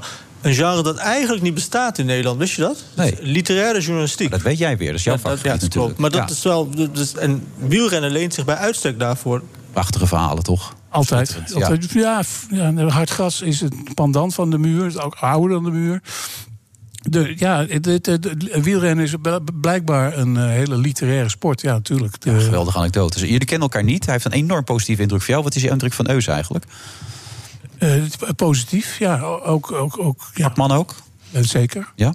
Wat maakt hem En goed? ik vind hem veelzijdig in die zin dat hij eh, een ongelooflijk eh eh, vermetel kreng kan zijn in zijn columns. En lekker eh, iedereen op de huid zit. En aan de andere kant weer heel empathisch daar gewoon mensen eh, in de kappersstoel eh heeft. Ja, of, of even Jinek laat huilen, bijvoorbeeld. Dat, ja. Ja. dat lukt hem allemaal gewoon. Ja, ik vond hem nu wel eh, gepast. eindelijk, eh, ik vond hem nu wel gepast ja, en nu is de heel goed. cirkel rond. Ja, heel nu goed. klopt hij weer. Eindelijk hè? iemand Jawel. die mijn eh, veelzijdigheid eh, ziet en erkent. ik denk dat heel veel mensen dat zien. Het getuigt van grote intelligentie. Dat wil ik toch ook weer even een compliment Ja, ja, maar teruggeven. Dat, dat, dat zo aan deze tafel toch zomaar eventjes eh, spontaan. Eigenlijk nog een gebeurt, hè? film of zo, Dat het zou dat niet het voor je vaderland het zijn? meekrijgt ook, hè, allemaal. Een film. Een film. Ja, alleen als jij hem registreert. Ja, dat wordt een heel gezellige film, denk ik dan. Denk je ook niet? Nee, maar dat is, ik hoorde net ook dat het een jongensdroom is van mensen die veel doen. Eh, je bedoelt, eh Freek heb je het over, hè? Ja, dat interview met Freek heeft hem niet losgelaten. Kan jij verklaren waarom dat zo is? Ik vond het een leuk interview. Dat interview van net. Ja. Eh, daar was ik, toen, toen was ik nog bezig met parkeerproblematiek. Oh, jij ook al? Ja, Rond de gebouwen Eus ook al, BNR. want er schijnen allemaal dingen afgesloten te zijn. Ja, ja, ja. Waar staat hij nu van jou dan? Maar Freek, ja, nou ja. eh, Dat is ehm, Oh. een, eh, een verhaal apart. Die man die heb ik ook regelmatig eh, meegemaakt in de Ronde van Frankrijk. En ben met hem opgetrokken. En ben, hij is bij mij in uitzendingen geweest. En, ja, die, dat Maar- is een van mijn. Is, hè, over, over de jaren zeventig gesproken. Dat is een- dat is een van mijn oude helden. Ja, En, eh, daar mag je niet over praten. Van wie niet? Over het verleden niet. Hoezo niet? Nee, dat is niet de bedoeling. Nee, maar dit, we hebben het hier over, over gelaagdheid van persoonlijkheid. Ja. maar Freek is er nu niet bij, dus hij kan zich niet Nee, verweren. Dus maar het is eigenlijk- toch zo? Dat hebben we toch net te horen Ja, maar ik gekregen? kan het nu niet uitleggen waarom dat zo is. Dus dat, dat kan eigenlijk niet. Wat je Nou ja, omdat hij vindt dat hij nog steeds actief is en daarop beoordeeld wil worden. Dat is wat hij zei. Ja. Ja, nou ja, d- dat vind ik ook het briljante ervan. en wil jij ook daarom eh, alleen dat- maar op en- Thomas en, Deen? en dat met zo'n enorm voortraject. Ja, nou ja, man, hij zag er weer afgetraind uit. Ik ben trots op hem. Ja, ik iets minder heb ik net te horen gekregen. Dus daar moet ik even aan werken weer. Oh, nou, moet je mij zien. Met Dus dat jij het zegt. de Partij van de Arbeid Nou, lijst. leuk, ik ga het lezen hoor. Ik ben heel erg geïntrigeerd. Hoe heet dat boek dan ook alweer? Tourmasqué. Oh ja, Tourmasqué inderdaad. Oké, oké. Ja. Een gelaagd reisverhaal uit Frankrijk. Ja. Chroniek van de Ronde van Frankrijk 2020. Ligt het in elke boekhandel? In de betere boekhandel. De betere boeken. Wie is de uitgever? Uitgeverij De Muur. De Muur. Oh ja, jullie eigen uitgever. Een briljant initiatief van B. Wagendorp. Bert Wagendorp. Ja. Lees je Bert ook graag in de Volkskrant? Hij is voorbeeldig. Ja? Jij ook, eh, Wilfred? Ik mag Bert graag lezen, ja. Ja? Ja, Bert was laatst ook co-host. Dat was ook een hele leuke uitzending. ging dat? Ik ken hem al vanaf 1985, toen Echt hij nog waar? sportjournalist bij de Leeuwarden Krant was. Ja. Wij zagen elkaar voor het eerst bij de finish van de Ronde van Friesland. Echt waar? Moet je nagaan. Toen was ik één. Ja. ja. Nou, je bent, je bent gegroeid hoor, vind ik. Gelukkig wel. Misdien. Wilfred, hoe lang ken je Wilfred al? Niet. Nou, we zijn ook, ik heb elkaar, bij elkaar eerder gezien in eigenlijk een uitzending als deze. Ja. En eh, je doet het hier leuker, vind ik, dan eh, met die Johan. Is dat zo? Ja, met die snor. Vind je dat hij een groei heeft doorgemaakt als journalist? Na de uitzending gingen ze verder. Of als presentator? Ah, ja, zeker. Ja. Hij, komt, hij komt er wel, vind ik. Mm, Ja? Hoe lang moet hij nog, denk je? hij is een end, hoor. Dat was gezellig, dankjewel Jeroen. Ja. Dat is ook weer Ja, gezellig. Eus. Tot over drie jaar denk ik weer, eh, Eus, of niet? We zijn wel klaar. Ja, het is afgelopen. Oh, wel, ja. Tour Even Even kijken, kijken, morgen even Jinek, daarna Adriaan van Dis, Jannie van der Heijden, ja. Gerard Ja. Cox. Paul de Leeuw, Astrid Joosten. Ja. Ja. Ja. De verjonging slaat toe, hè? Ja, Bij de nee. publieke Heb jij, omroep. ja, wat vind je daarvan dat Paul de Leeuw op één gaat doen? Wilfred vindt het niks. ik vind het een eh, ramp voor de journalistiek.